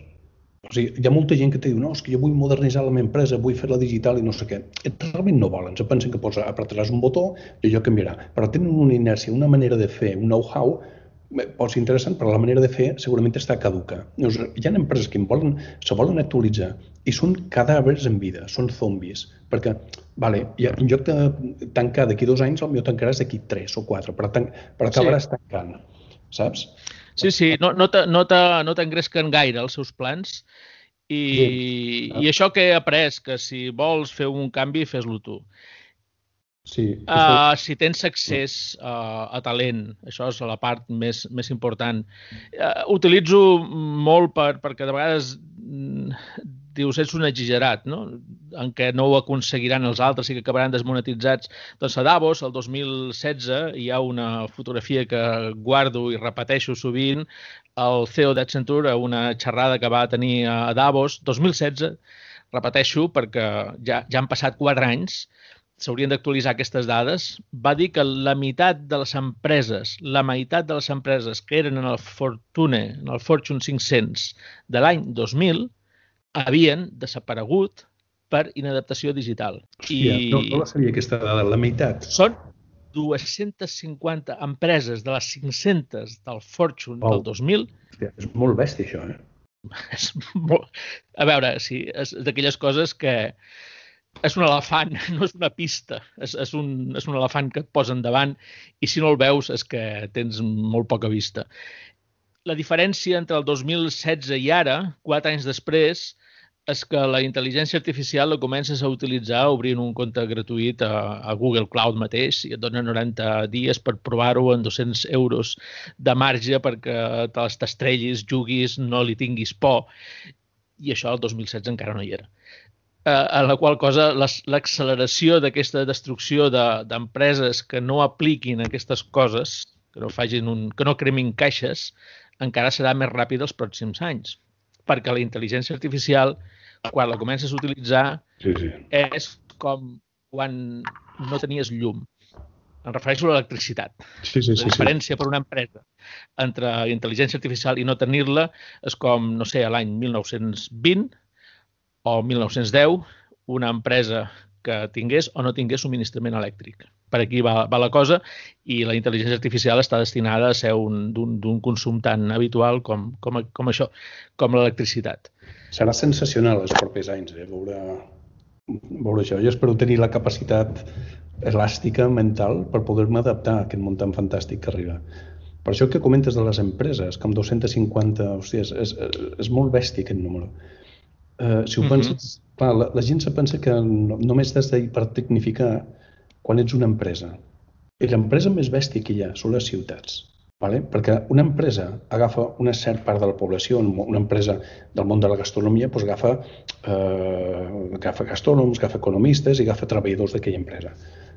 Però l'empresa que, que es diu la ciutat ens agafa a tots, indistintament de les edats, sexe, religió o ens agafa a tots. Llavors, la responsabilitat més gran que hi hauria d'haver sobre la tecnificació dels polítics de, en, en, en els polítics actuals. Saps? Jo crec que o sigui, el, eh, gent com tu, gent, bueno, amics comuns que tenim, hauríeu d'estar fent conferències per canviar el món polític, perquè es donessin compte que no poden parametritzar noves ciutats amb indicacions, amb informacions que tenim de fa tres anys, per, per, per posar un exemple. O sigui, és que no m'entra en cap, això. Sí, a, a més, haver passant per política ho tinc més clar que mai, que és molt necessari. Però si no volen, existeixen els mecanismes perquè no passi res. I de moment eh, en el nostre entorn no, no volen i és un, és un problema gros. No fa gaires sentia que a Catalunya no volen renovar la Conselleria de Polítiques Digitals, quan és importantíssim que hi sigui, del color que sigui, és igual, i en tècnics Clar. estables. I hi hauran de fer canvis molt, molt grossos perquè no només hi ha el problema de, de l'adaptació en si, perquè abans t'explicava que bé, que algun dia pots caure del cavall i dius, vinga, va, mm, estic convençut, fem-ho, i pots arribar a fer, com han fet algunes empreses automobilístiques, spin-offs completament a part, empreses completament a part, a les quals els inverteixes 100 milions per, per la primera fase i 100 milions després per la segona, si igual, ho pots tenir a part i que no molesti amb el dia a dia de la teva empresa, però això amb un govern és bastant més difícil de fer. I a més d'aquí quatre anys el que vingui després t'ho desmuntarà, t'agafarà aquest spin-off, que és una empresa pública i la tancarà. Tot allò desapareix de, de cop i no passarà res, perquè política eh, està comprovat que no passa res perquè no hi ha el sentit del client. Aquest sentit del client que té qualsevol empresa, que és que si no fem bé les coses perdem els clients. A veure, de Terrassa sí, poder te'n pots anar a viure a Sabadell i llavors perds clients, però és difícil que te'n vagis, no sé, de, de, de Catalunya o que te'n vagis de les Illes, ja és més difícil, és una altra fase, i anar-te'n de l'Estat encara és més difícil. Dir, allò, si no tens un, un, un, bon, un bon servei digital a Espanya, doncs ara em faré estonià o em faré francès. Doncs això no, no se fa. No hi ha competència entre administracions, no hi ha el sentit del client, hi ha més una competència interna. Llavors, allò que té, encara que diguin que ho, que ho fem, cada vegada tindran més problemes de personal. Els problemes de tenir el talent treballant per ells cada vegada serà més difícil degut a que, per exemple, a l'administració tothom que hi fa feina ha de ser llicenciat. I, i avui en dia, doncs, el, a Google, l'any 2017, el 18% dels enginyers no eren llicenciats i una de les coses que deia el cap de recursos humans de Google amb un llibre que va escriure i amb entrevistes que feia per mort d'aquell llibre, doncs eh, una de les entrevistes que te resumeix el seu pensament deia és que les universitats, eh, els enginyers que hi ha són bons i són necessaris, però són gent entrenada a solucionar problemes coneguts. I, en canvi, els enginyers que agafem, que són eh, autodidactes, eh, són els que resolen amb més agilitat i sense donar tantes voltes problemes desconeguts, problemes nous. Steve Jobs no era enginyer.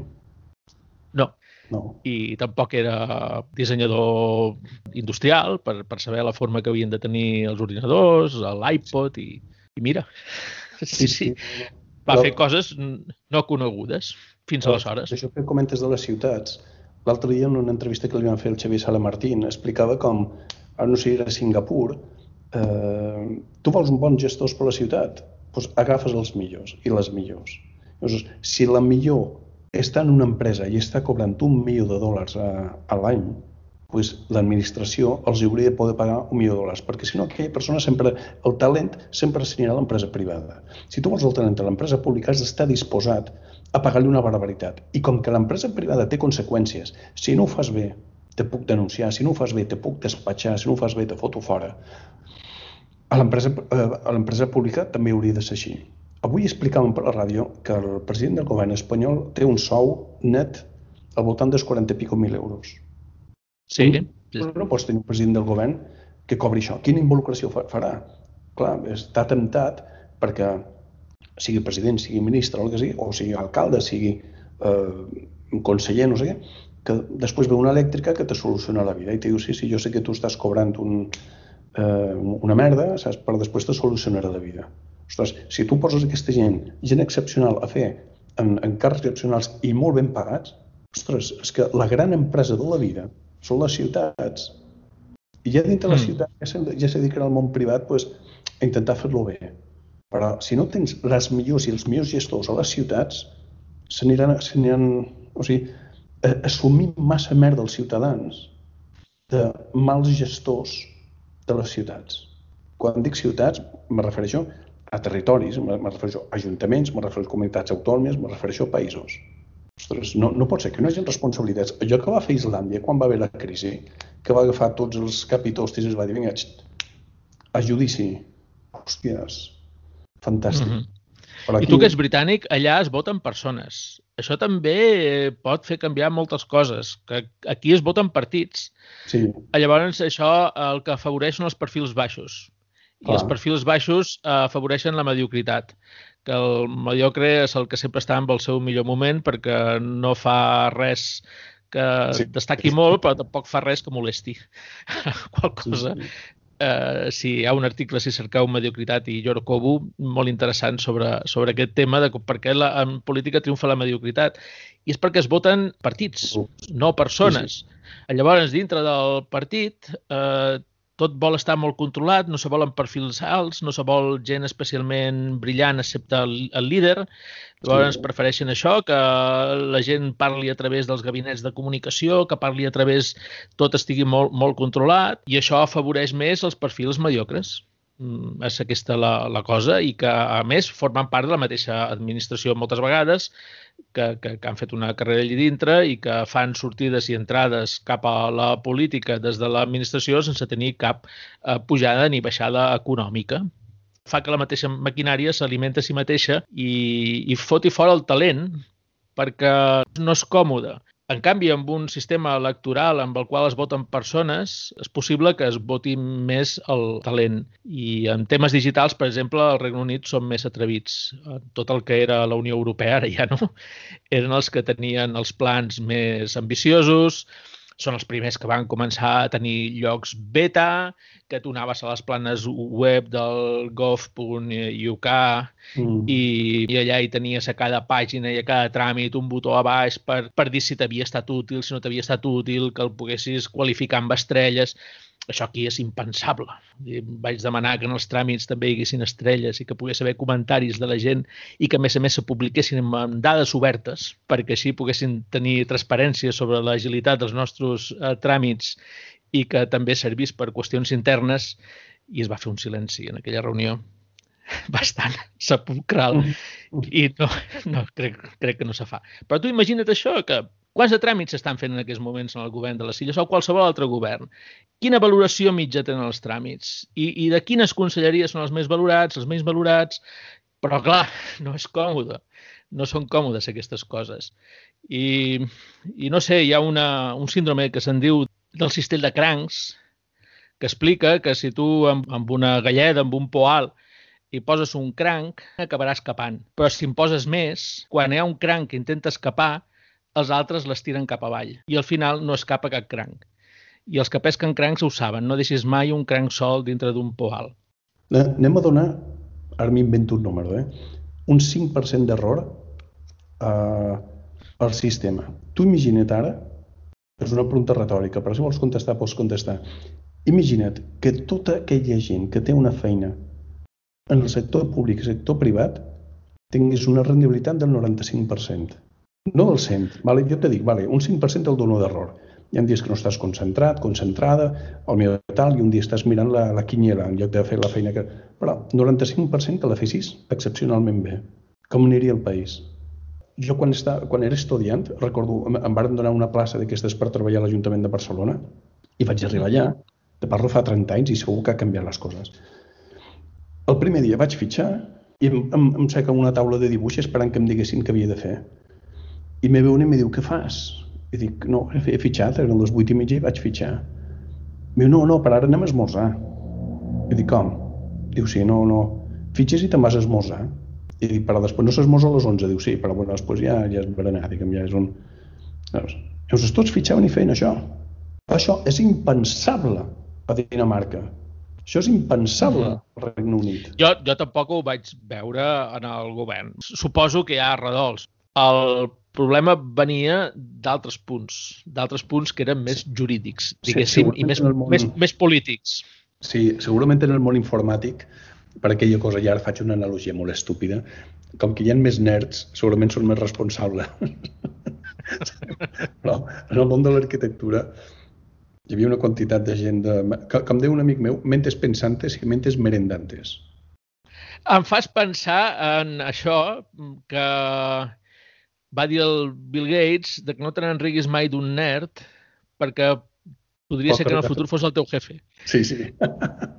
és així. Per aquella cosa que tot el que pugui ser software serà software. Sí. Llavors és possible que la teva empresa es basi en tecnologia i que acabi sent el, el teu cap sigui un, un nerd. I això amb un govern difícilment passarà. El codi dels governs, el codi font, està teclatjat eh, i físicament, vull dir, està teclatjat per advocats. O sigui, l'estil, el, el que mana és els oficis, tots teniu unes, unes visions, unes sensibilitats col·lectives de vegades, els, els arquitectes són molt humanistes, i els advocats doncs, eh, tenen un altre sentit de la societat. Els governs estan dissenyats i pensats per ells. De fet, la gent que té complements de sou importants perquè no se'n vagi, per mantenir el talent, són el, els advocats. Hi ha, hi ha un episodi es... dels, dels Simpsons on Lisa Simpson, que és el, el, el servei de la família, s'imagina en un somni en un món sense abogats. I és un paisatge verd fantàstic, tot florit, hi ha ocells per tot, hi ha dos arts de Sant Martí, dos, i hi ha dos sols o alguna així. Tot, i, tot, I la gent és feliç, saps? O sigui... És allò que diuen que en els Simpsons estava tot, tot profetitzat, no? Sí. saps? Però um, jo, jo tinc família que està en el món del, del que són, són abogades i abogats, i, uh, però eh, realment hauria de canviar. Jo me recordo un, uh, la meva àvia britànica, eh, quan va morir el meu avi, va rebre una carta, perquè ell de sobte era família aquestes més eh, l'antiga, diguem. Te parlo ja fa uns 20 i pico anys ja. Mm -hmm. I la, el meu avi, que s'encarrega de tota casa, de temes de papers i pagar i tal, quan va morir, pues, el meu avi va començar a fer-se càrrec. El meu avi pues, devia tenir 75 anys. I el meu avi va rebre una carta on explicava com havia de pagar una sèrie de coses d'electricitat o de casa, no me'n recordo, en serveis de la casa. I estava explicat amb una capacitat tècnica sensacional, explicada segurament per abogats i tal. Però al final hi havia com una espècie de una cinquena part d'aquesta A4 que li van enviar, on de tot el que te queremos decir arriba és i li explicaven com si fos un pastor, una pastora, saps? O sigui, estava explicat en paraules llanes, amb la qual jo vaig pensar en aquell moment, ostres, està bé tenir un govern que t'explica les coses on no generalitza la informació al, diguem, al cavall més lent, sinó el que fa, te les explica com te les ha d'explicar, però te després te dona una explicació que tu puguis entendre, que puguis arribar, mm -hmm. saps? Perquè eh, nosaltres vivim en un país on recordo fa anys, van posar aquests, els Faimino i Cansado, uh, mm -hmm. estaven, estaven a la, els van posar a, a la a TV1. La gent, quan no entenia el que passava, se van donar compte que canviaven de canal. Jo li a Kierkegaard. La gent de què és Kierkegaard? Hòstia, no. I els van passar, no en prime times, els van passar a 2 a les 11 de la nit. Llavors, I què van posar en el seu lloc? Pues los, los morangos, Raya, coses que eren fàcilment entendibles. Però la, la, la gran virtut de l'humor britànic, que, que és extrapolable tot el que passa al país, és que tu tens humors molt banals, però tens humors molt intel·ligents. Monty Python són gent que venen de Harvard, ah, de Harvard, que venen d'Oxford, Oxford o Cambridge, per fer teatre ells allà. Llavors, aquesta cosa, quan tu no entens una cosa, desconnectes i canvies de canal, doncs passa quan tu reps un paper de fexa que està totalment fexa, endesa o, o, o gas natural, que sigui. Però tu quan has de pagar una cosa, aquella cosa no l'entens i te sents estúpid. Llavors què fas? Fas aquesta cosa tan humana que és per no tenir problemes amb els poderosos, pago i ja està, perquè no entenc que estic pagant.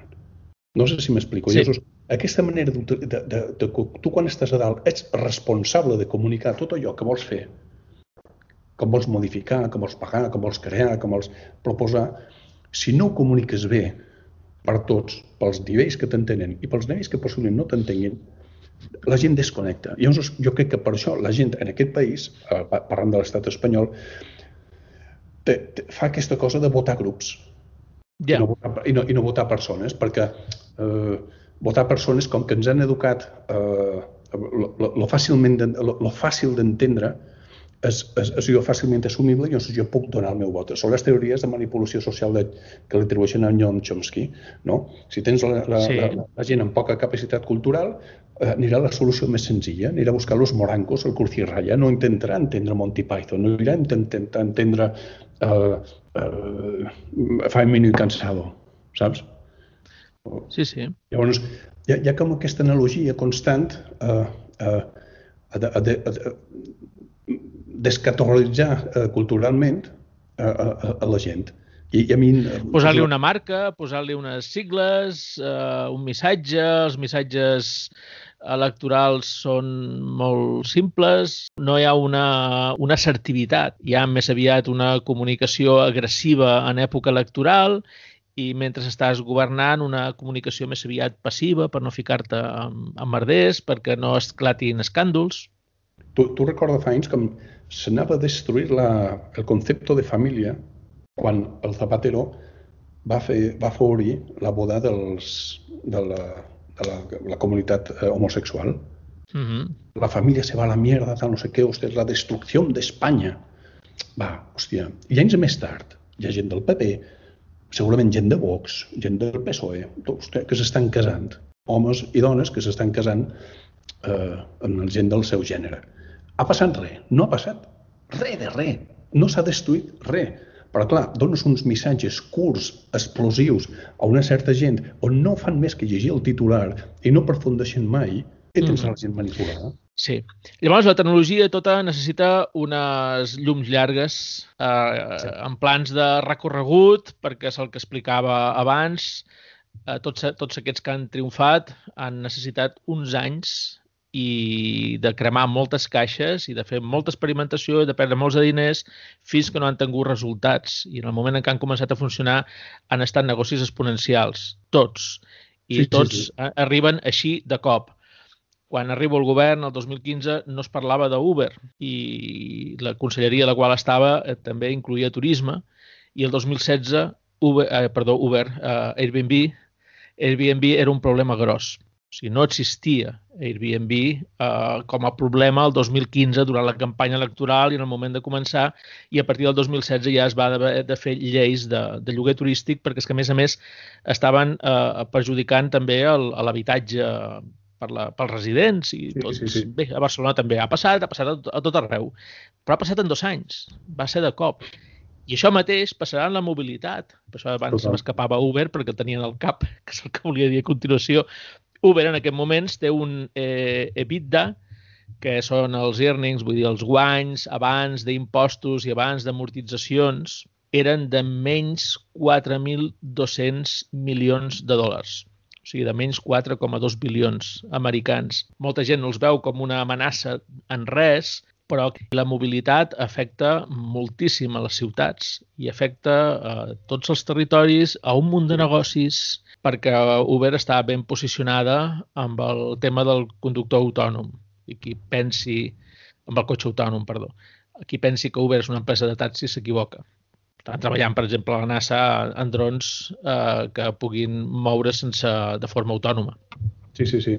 En el moment en què tot això esclati, tenen milions de persones amb la seva aplicació instal·lada al mòbil que ja l'estan utilitzant ara i que a poc a poc aniran, aniran rebent drons, aniran rebent eh, robots que els hi porten la compra, aniran rebent eh, vehicles que els duen al metge, aniran, eh, eh, els hi organitzaran portar i tornar els nens de l'escola, etc etc etc. Tot això serà cada vegada més, més veritat i, i entre totes les empreses que ho aconsegueixin, doncs Uber està ben posicionada. Per això hi ha gent que està posant tants de diners com perquè puguin tenir 4.000 milions en negatiu d'EBITDA. De, tot això en política és impensable. És, és, no, tot clar, és molt a, a, a curt... Exacte. Sí. S'està pensant en, en aquests moments, ja, ja, ja ha passat mitja legislatura, vull dir, la gent que ha viscut aquesta legislatura ho ha estat un drama, perquè amb la Covid ha quedat absolutament tot alterat i, i ara eh, en el govern de les Illes, per exemple, s'ha fet una reforma del, del govern i la gent que ha entrat doncs s'ha trobat amb el pressupost de l'any 2021 ja està fet, la qual cosa la gent que entra no, no, no podrà fer aportar cap projecte important que valgui diners propi nou, que el seu projecte el podrà tenir el pressupost del 2022. Això vol dir que cap al mes de març tindrà els diners i podrà fer el concurs que adjudicarà segurament al setembre o l'octubre, perquè un, un concurs a l'administració són nou mesos, i que la, la primera cosa que es vegi del projecte de la persona que acaba d'entrar ara serà a final del 2022 i en el mes de març li diran que mm, parin màquines, ho parin tot absolutament perquè el maig són les eleccions. Sí que és, és molt difícil que en aquest món de l'administració tant local com regional, els tres nivells, i estatal i després europea, les coses canvin. El que sí que sé que hi ha és molts de diners a Europa, que si els aconsegueixes directament, sense passar per cap administració que més o menys es reparteixi els filtris, sinó que tu tens una idea i vas a Europa, són rigorosos i són competents. O sigui, saben reconèixer bones idees en les quals invertir i és una via àgil en aquests moments per, uh, per tirar endavant coses que tinguin una ajuda pública i que puguin arribar a tenir un benefici també públic que passa que continuo pensant que hi ha certes coses que seria millor que les fessin els governs pel fet de que fossin públiques. Allò que dèiem abans de posar metadades al territori, les està sí, posant sí. Google, i encara que les posés amb ajuda europea, si Google o l'empresa que ho fes fos una startup que rep diners europeus, després allò queda a l'empresa, no, no torna. Aquestes ajudes europees no t'obliguen a que després allò ho deixis en mans del públic. Per això sempre és millor que ho faci la nostra administració i no una empresa. I com ho veus, això? Però, que les empreses no hagin de tornar? Europa és molt un lobby d'empreses. Per als Estats Units, tinc entès que les empreses ho han de tornar quan els hi deixen. Si tenen guanys, no. Doncs eh, ho desconec. Però en el cas d'Europa, mm, no. De fet, vaig sentir no fa gaire un podcast que també re recoman per tot el món interessat en les startups, que es diu ITNIC, en el qual eh, fa un parell de setmanes un parell mallorquí, perquè surt cada dilluns. Eh, entrevistaren amb, amb una persona que es, ho explicava i tenien aquest petit debat, no?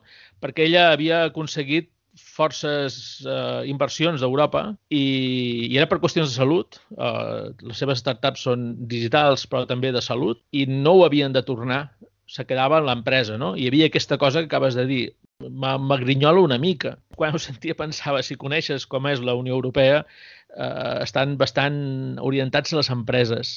No hi ha més que veure com Europa està organitzat el tema dels impostos que els estats se fan competència entre si a través dels sistemes impositius i llavors eh, països com Irlanda van decidir cobrar poc a les empreses de tecnologia i això els ha permès que en, en 30 anys de ser un país pobre eh, ara es poden parlar de tu a tu amb, amb Alemanya i és degut a la quantitat de tecnològiques que, que ha tret, que l'ha posada en el panorama econòmic i al final ho ha fet eh, fent la competència amb els impostos. Sí, el que passa és que jo, jo aquestes coses no, no, no les trobo justes. Si estem dintre d'un equip que es diu Europa, saps? Um, aquesta cosa tan estranya del, de, de que cada país és un estat-nació i pot fer el que li surt, el que li ve de gana, eh, no, no és realment un concepte europeu. O sigui, jo encara amb impostos, eh?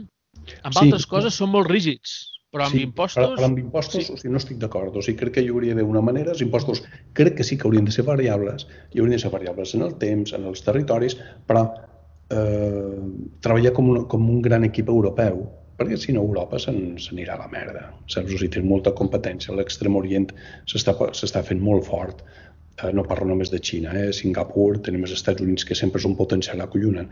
És aquella cosa de, que explicava el Nicolás Negroponte, com d'aquí 20 anys, que, que és ara, eh, més o menys, i, i explicava aquella cosa de, que, de, de tenir dues regions d'influència, que eren els Estats Units i la URSS, passarem a tenir-ne vuit. Índia, uh -huh. Xina, Extrem Orient, Europa encara, Rússia, tal... Ostres, eh, llavors nosaltres ens anem diluint. Si, si, no, si no fem eh, com una, una certa força estratègica, i això segurament és un comentari basat en una suposició meva, saps? perquè jo no tinc coneixements econòmics prou, prou ferms com per, per poder argumentar aquesta cosa, però a, a priori em, em, em sembla eh, una mica desleal de cara a Europa, això que fa, no, crec que no, Holanda també té, té uns, uns, uns, uns impostos més baixos, i Irlanda, eh, eh, Holanda i Irlanda, o sigui, no, no, no, mm -hmm. seria algun més també, però... Clar, uh, després resulta que hi ha una quantitat d'ajudes europees de fons FEDER que nosaltres a partir de la legislatura passada, el 2015, aprofitarem intensament. Doncs bé, la qüestió és que deies, nosaltres no tenim indústria digital perquè no l'han sabut fer. S'està fent en altres llocs i els impostos que aquestes empreses paguen en els altres llocs ens passen a nosaltres ara i podem posar fibra i ens pot servir per poder algun dia eh, tenir la infraestructura necessària com per també poder-ho fer que Amazon i aquestes empreses que estan pagant impostos fora, no sé quants ens han tornat a les illes en forma de fibra que nosaltres poder no hauríem pogut posar mai. No és perfecte, no, no ens agraden moltes coses, però mm, han d'aprendre a aprofitar la part, la part bona, i per nosaltres, que és aquesta. Els, els fons europeus, tant com govern com, com a particulars, jo recomano mm, gastar-se uns diners en, en tenir alguna empresa, algun servei que t'ajudi a gratar, a mirar què hi ha de fons europeus en aquests moments per, per cremar caixes, per dir-li d'alguna manera que ens entengui la gent que en aquests moments han, hagin arribat fins aquí del podcast ho entendran. No? Si vols cremar caixes per ves comprar mistos, vés a Europa. Està bé, està bé. Mm, se'ns ha fet tard, ho hem dit abans, de començar, que això era en obert i que s'allargaria i sempre que ens hem trobat amb en John sabem que s'allarga, a la qual cosa no han xerrat del tema que tenia pensat per aquest podcast i li faré la pregunta inicial de l'exposició i que, bé, això ho resoldrem en un quart d'hora, una cosa d'aquestes. De l'aviació no caldrà parlar-ne gaire, ja, ja veus, sí, sí, sí. n'hem parlat un munt. I ha quedat pendent un tema que m'agradaria que el tractéssim un altre dia, que és tota la part de l'arquitectura. Molt bé. Tota la part de l'arquitectura que tens, perquè bàsicament la idea de fons, per despertar la curiositat, ja fent un spoiler de lo que podíem parlar un altre dia, és que vosaltres, arquitectes, sou humanistes que poseu context a un munt de coses a les llars, a les, a les oficines, les empreses, com, com estan fetes. Aquells arquitectes alemanys que comencen a fer aquelles naus, no me'n recordo el nom, aquella nau famosa que hi ha a Berlín, d'AEG, que és la primera, que té molts de vidres perquè sigui més agradable la, treballar allà dintre. La, la turbina en fàbric del Peter Behrens. Ah, molt bé, veus? Aquesta... és una altra cosa és una altra cosa que tenim els arquitectes. Tenim un fons del que s'ha fet i dels personatges interessants, que és tremendo, i aquestes coses han canviat la manera de treballar, han canviat la manera de, de fer les coses profundament. I el tema digital és que trobo que no té context arquitectònic. Sí, I que fins que els arquitectes no vos hi poseu, alguns canvis no s'arribaran a produir eh, de la manera en què ens agradaria que es produïssin. Eh, no, no, una cosa, igual també per provocar el, el desig d'escoltar el proper podcast, eh, ja fa el 2004 vaig treure un llibre que va pagar la Son Fortesa, els de Camper, i era un llibre que es deia Mallorca Boom, on, sí. on jo explicava com els enginyers d'aeronàutics o els navals ja fa 80 anys, o sigui, ara fa 100 anys, que fan estructures amb planxes metàl·liques de quart grau que són estructures. Són estructures, no són... La propera vegada que entris un avió, just abans d'entrar, pegui un copet a el que sembla el fuselatge, allà on està pintat. Ah. I si m'arrenyen, diré, diré com m'ho has, has dit tu, eh? i que ets sí, comandant. Sí, sí. Llavors pegues un cop, perquè allò són estructures, li diuen estructures de pardes delgades, ho diuen en castellà. Sí. Vale? Allò és estructural, són corbes de quart grau que són estructures. Són hiperboloides, mm. o sigui, responen a una funció. Fa 100 anys que s'està treballant amb aquesta tecnologia. Ja ha arribat en moments en què ja no treballen tan sols amb estructures metàl·liques, sinó que treballen amb estructures amb composites, etc. Els arquitectes, si fem un voladiu de 3 metres, ja hem de fotre un càlcul en formigó, que tal. I els enginyers aeronàutics, les enginyers estan fent voladius de 50 metres, de coses que es mouen, que es mouen en temps real, que tenen combustible, que agafen temperatures extremes per després passar a temperatures... Estàs, estàs parlant de l'ala, no? Estic parlant de l'ala, exactament. Llavors, eh, anem a rebuf dels, dels enginyers. El meu despatx es diu John Tugores Plus Architects, perquè jo reivindico la figura de l'arquitecte com a col·laborador. Treballo amb enginyers. Òbviament treballo amb enginyers. I el proper dia treballarem, parlarem d'uns enginyers que fan simulacions dels projectes, vale? que està molt bé. Uh -huh. um, llavors, el, amb aquesta cosa nosaltres anem, eh, som plat de segona taula del que fan els enginyers. Els enginyers i les enginyeres tenen una capacitat d'adaptació de la tecnologia eh, per la seva formació, la, la fan molt ràpidament i nosaltres no en sabem més. I ara hi ha una crisi en el món de l'arquitectura perquè no sabem aplicar noves enginyeries, el qual ens està fent, ara li diuen el neorealisme a l'arquitectura. Estem fent edificis amb tecnologia de fa 50 i 100 anys. Hi ha tecnologies locals de fa 50 i 70 anys que podem utilitzar, però aquesta tecnologia no està disponible per tot, però per tot intenten utilitzar aquesta tecnologia. Llavors, eh, Eh, crec que sí, podem fer un altre podcast certament interessant. Sí, sí, entre aquests enginyers doncs també hauria d'haver algun informàtic i segurament es farien espais que tinguessin alguna cosa més que wifi. És que com una revolució que va haver al, al, als habitatges, a les oficines, era el Bluetooth. Perquè abans, quan tu volies fer un, un habitatge domòtic, una oficina domòtica, havies de començar a fotre cables per tot. Uh mhm. -huh. I els mateixos enginyers te deien, no, és que el Bluetooth ja lo solventarà esto. I tu, no, no, no, anem a fer. Llavors, el Bluetooth va revolucionar més l'arquitectura que segurament eh, molts arquitectes. Sí, sí, el, el switch del Negroponte, coses que abans anaven en cable, ara anaven, van per l'aire. I, i, i la frustració que es produeix, no sé, el, una pinzellada breu només també per obrir la gàmena, el que podem parlar amb el següent podcast. Quan el govern anàvem digitalitzant coses, digitalitzant tràmits, i no calia el paper, perquè al principi era, segons la llei 39 i 40, que és el que mou les lleis mou després el fet de que se facin canvis tecnològics. Si no hi ha llei, no se fa el canvi. Aquesta és una altra que no n'hem parlat abans, però eh, que és allò que te deia del codi dels advocats, primer. Sí. Haurien de treballar més advocats amb, amb enginyers informàtics per saber qui, com han de codificar els governs del futur. Doncs bé, eh, la llei 39 deia que l'original seria el document electrònic i que ja no seria el paper. I nosaltres, seguint aquesta llei, cada vegada anàvem passant més papers, diguéssim, a electrònic, internament i externament tràmits. Doncs la, a les reunions la gent se sentia frustrada perquè havia d'imprimir. Imprimien sí. molt. Doncs rebem les factures electrònicament, però les acabem imprimint. Rebem els tràmits electrònicament, però els acabem imprimint. I això trobaven que és que el sistema havia fracassat. I jo els deia que no, que el sistema no havia fracassat. El software no havia fracassat, no estava mal fet, ni ells tampoc, com a usuaris, havien fracassat. El problema era que em vaig dedicar a mesurar les taules.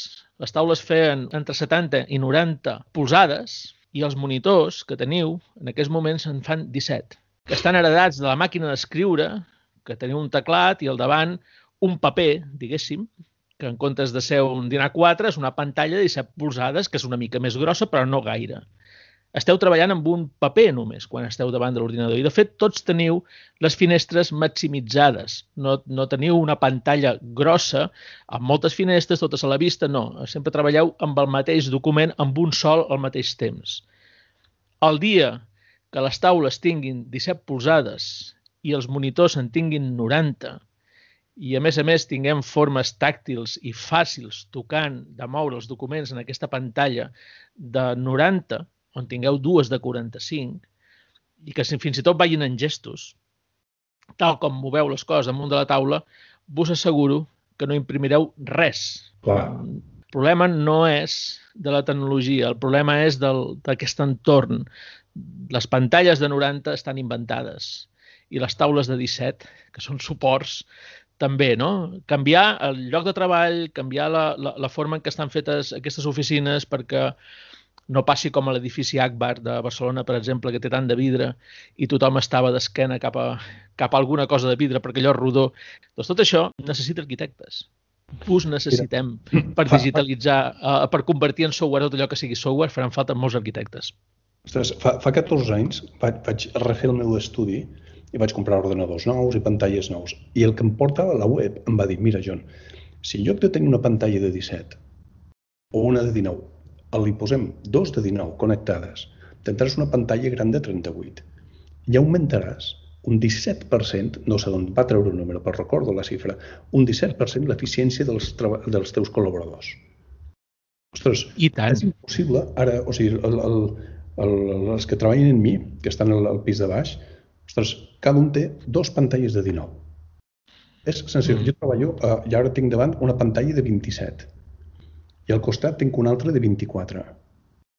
I, i acabo sempre connectant el portàtil des, de, des on te parlo en aquesta pantalla o la pantalla al costat i et dono tota la raó, et dono tota la raó. És que... Doncs això l'administració no, no ho veus i a moltes empreses no ho veus i llavors no funciona, no funciona i, i un dels factors és aquest. I la frustració aquella diària d'imprimir i la despesa que significava, no hi havia ningú que s'aparés a, a fer aquests tant percents que t'explicava el teu amic.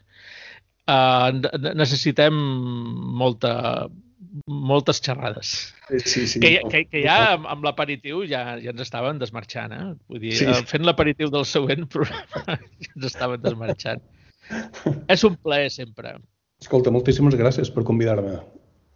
Jo tinc unes ganes tremendes de venir a Terrassa a veure la teva exposició. Esperem que les coses, les vacunacions mm, funcionin al ritme que esperem i que això pugui passar aviat. Estaré encantat de fer-te un tour i fer-te una abraçada.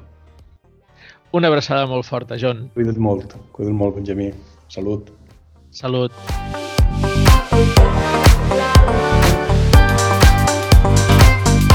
Fins aquí la primera de dues converses amb en John Tugores que espero que vos hagi agradat tant com a nosaltres. Feu-nos-ho saber, tant amb ell com a mi ens trobareu a les xarxes. I sempre moltes gràcies per escoltar-nos.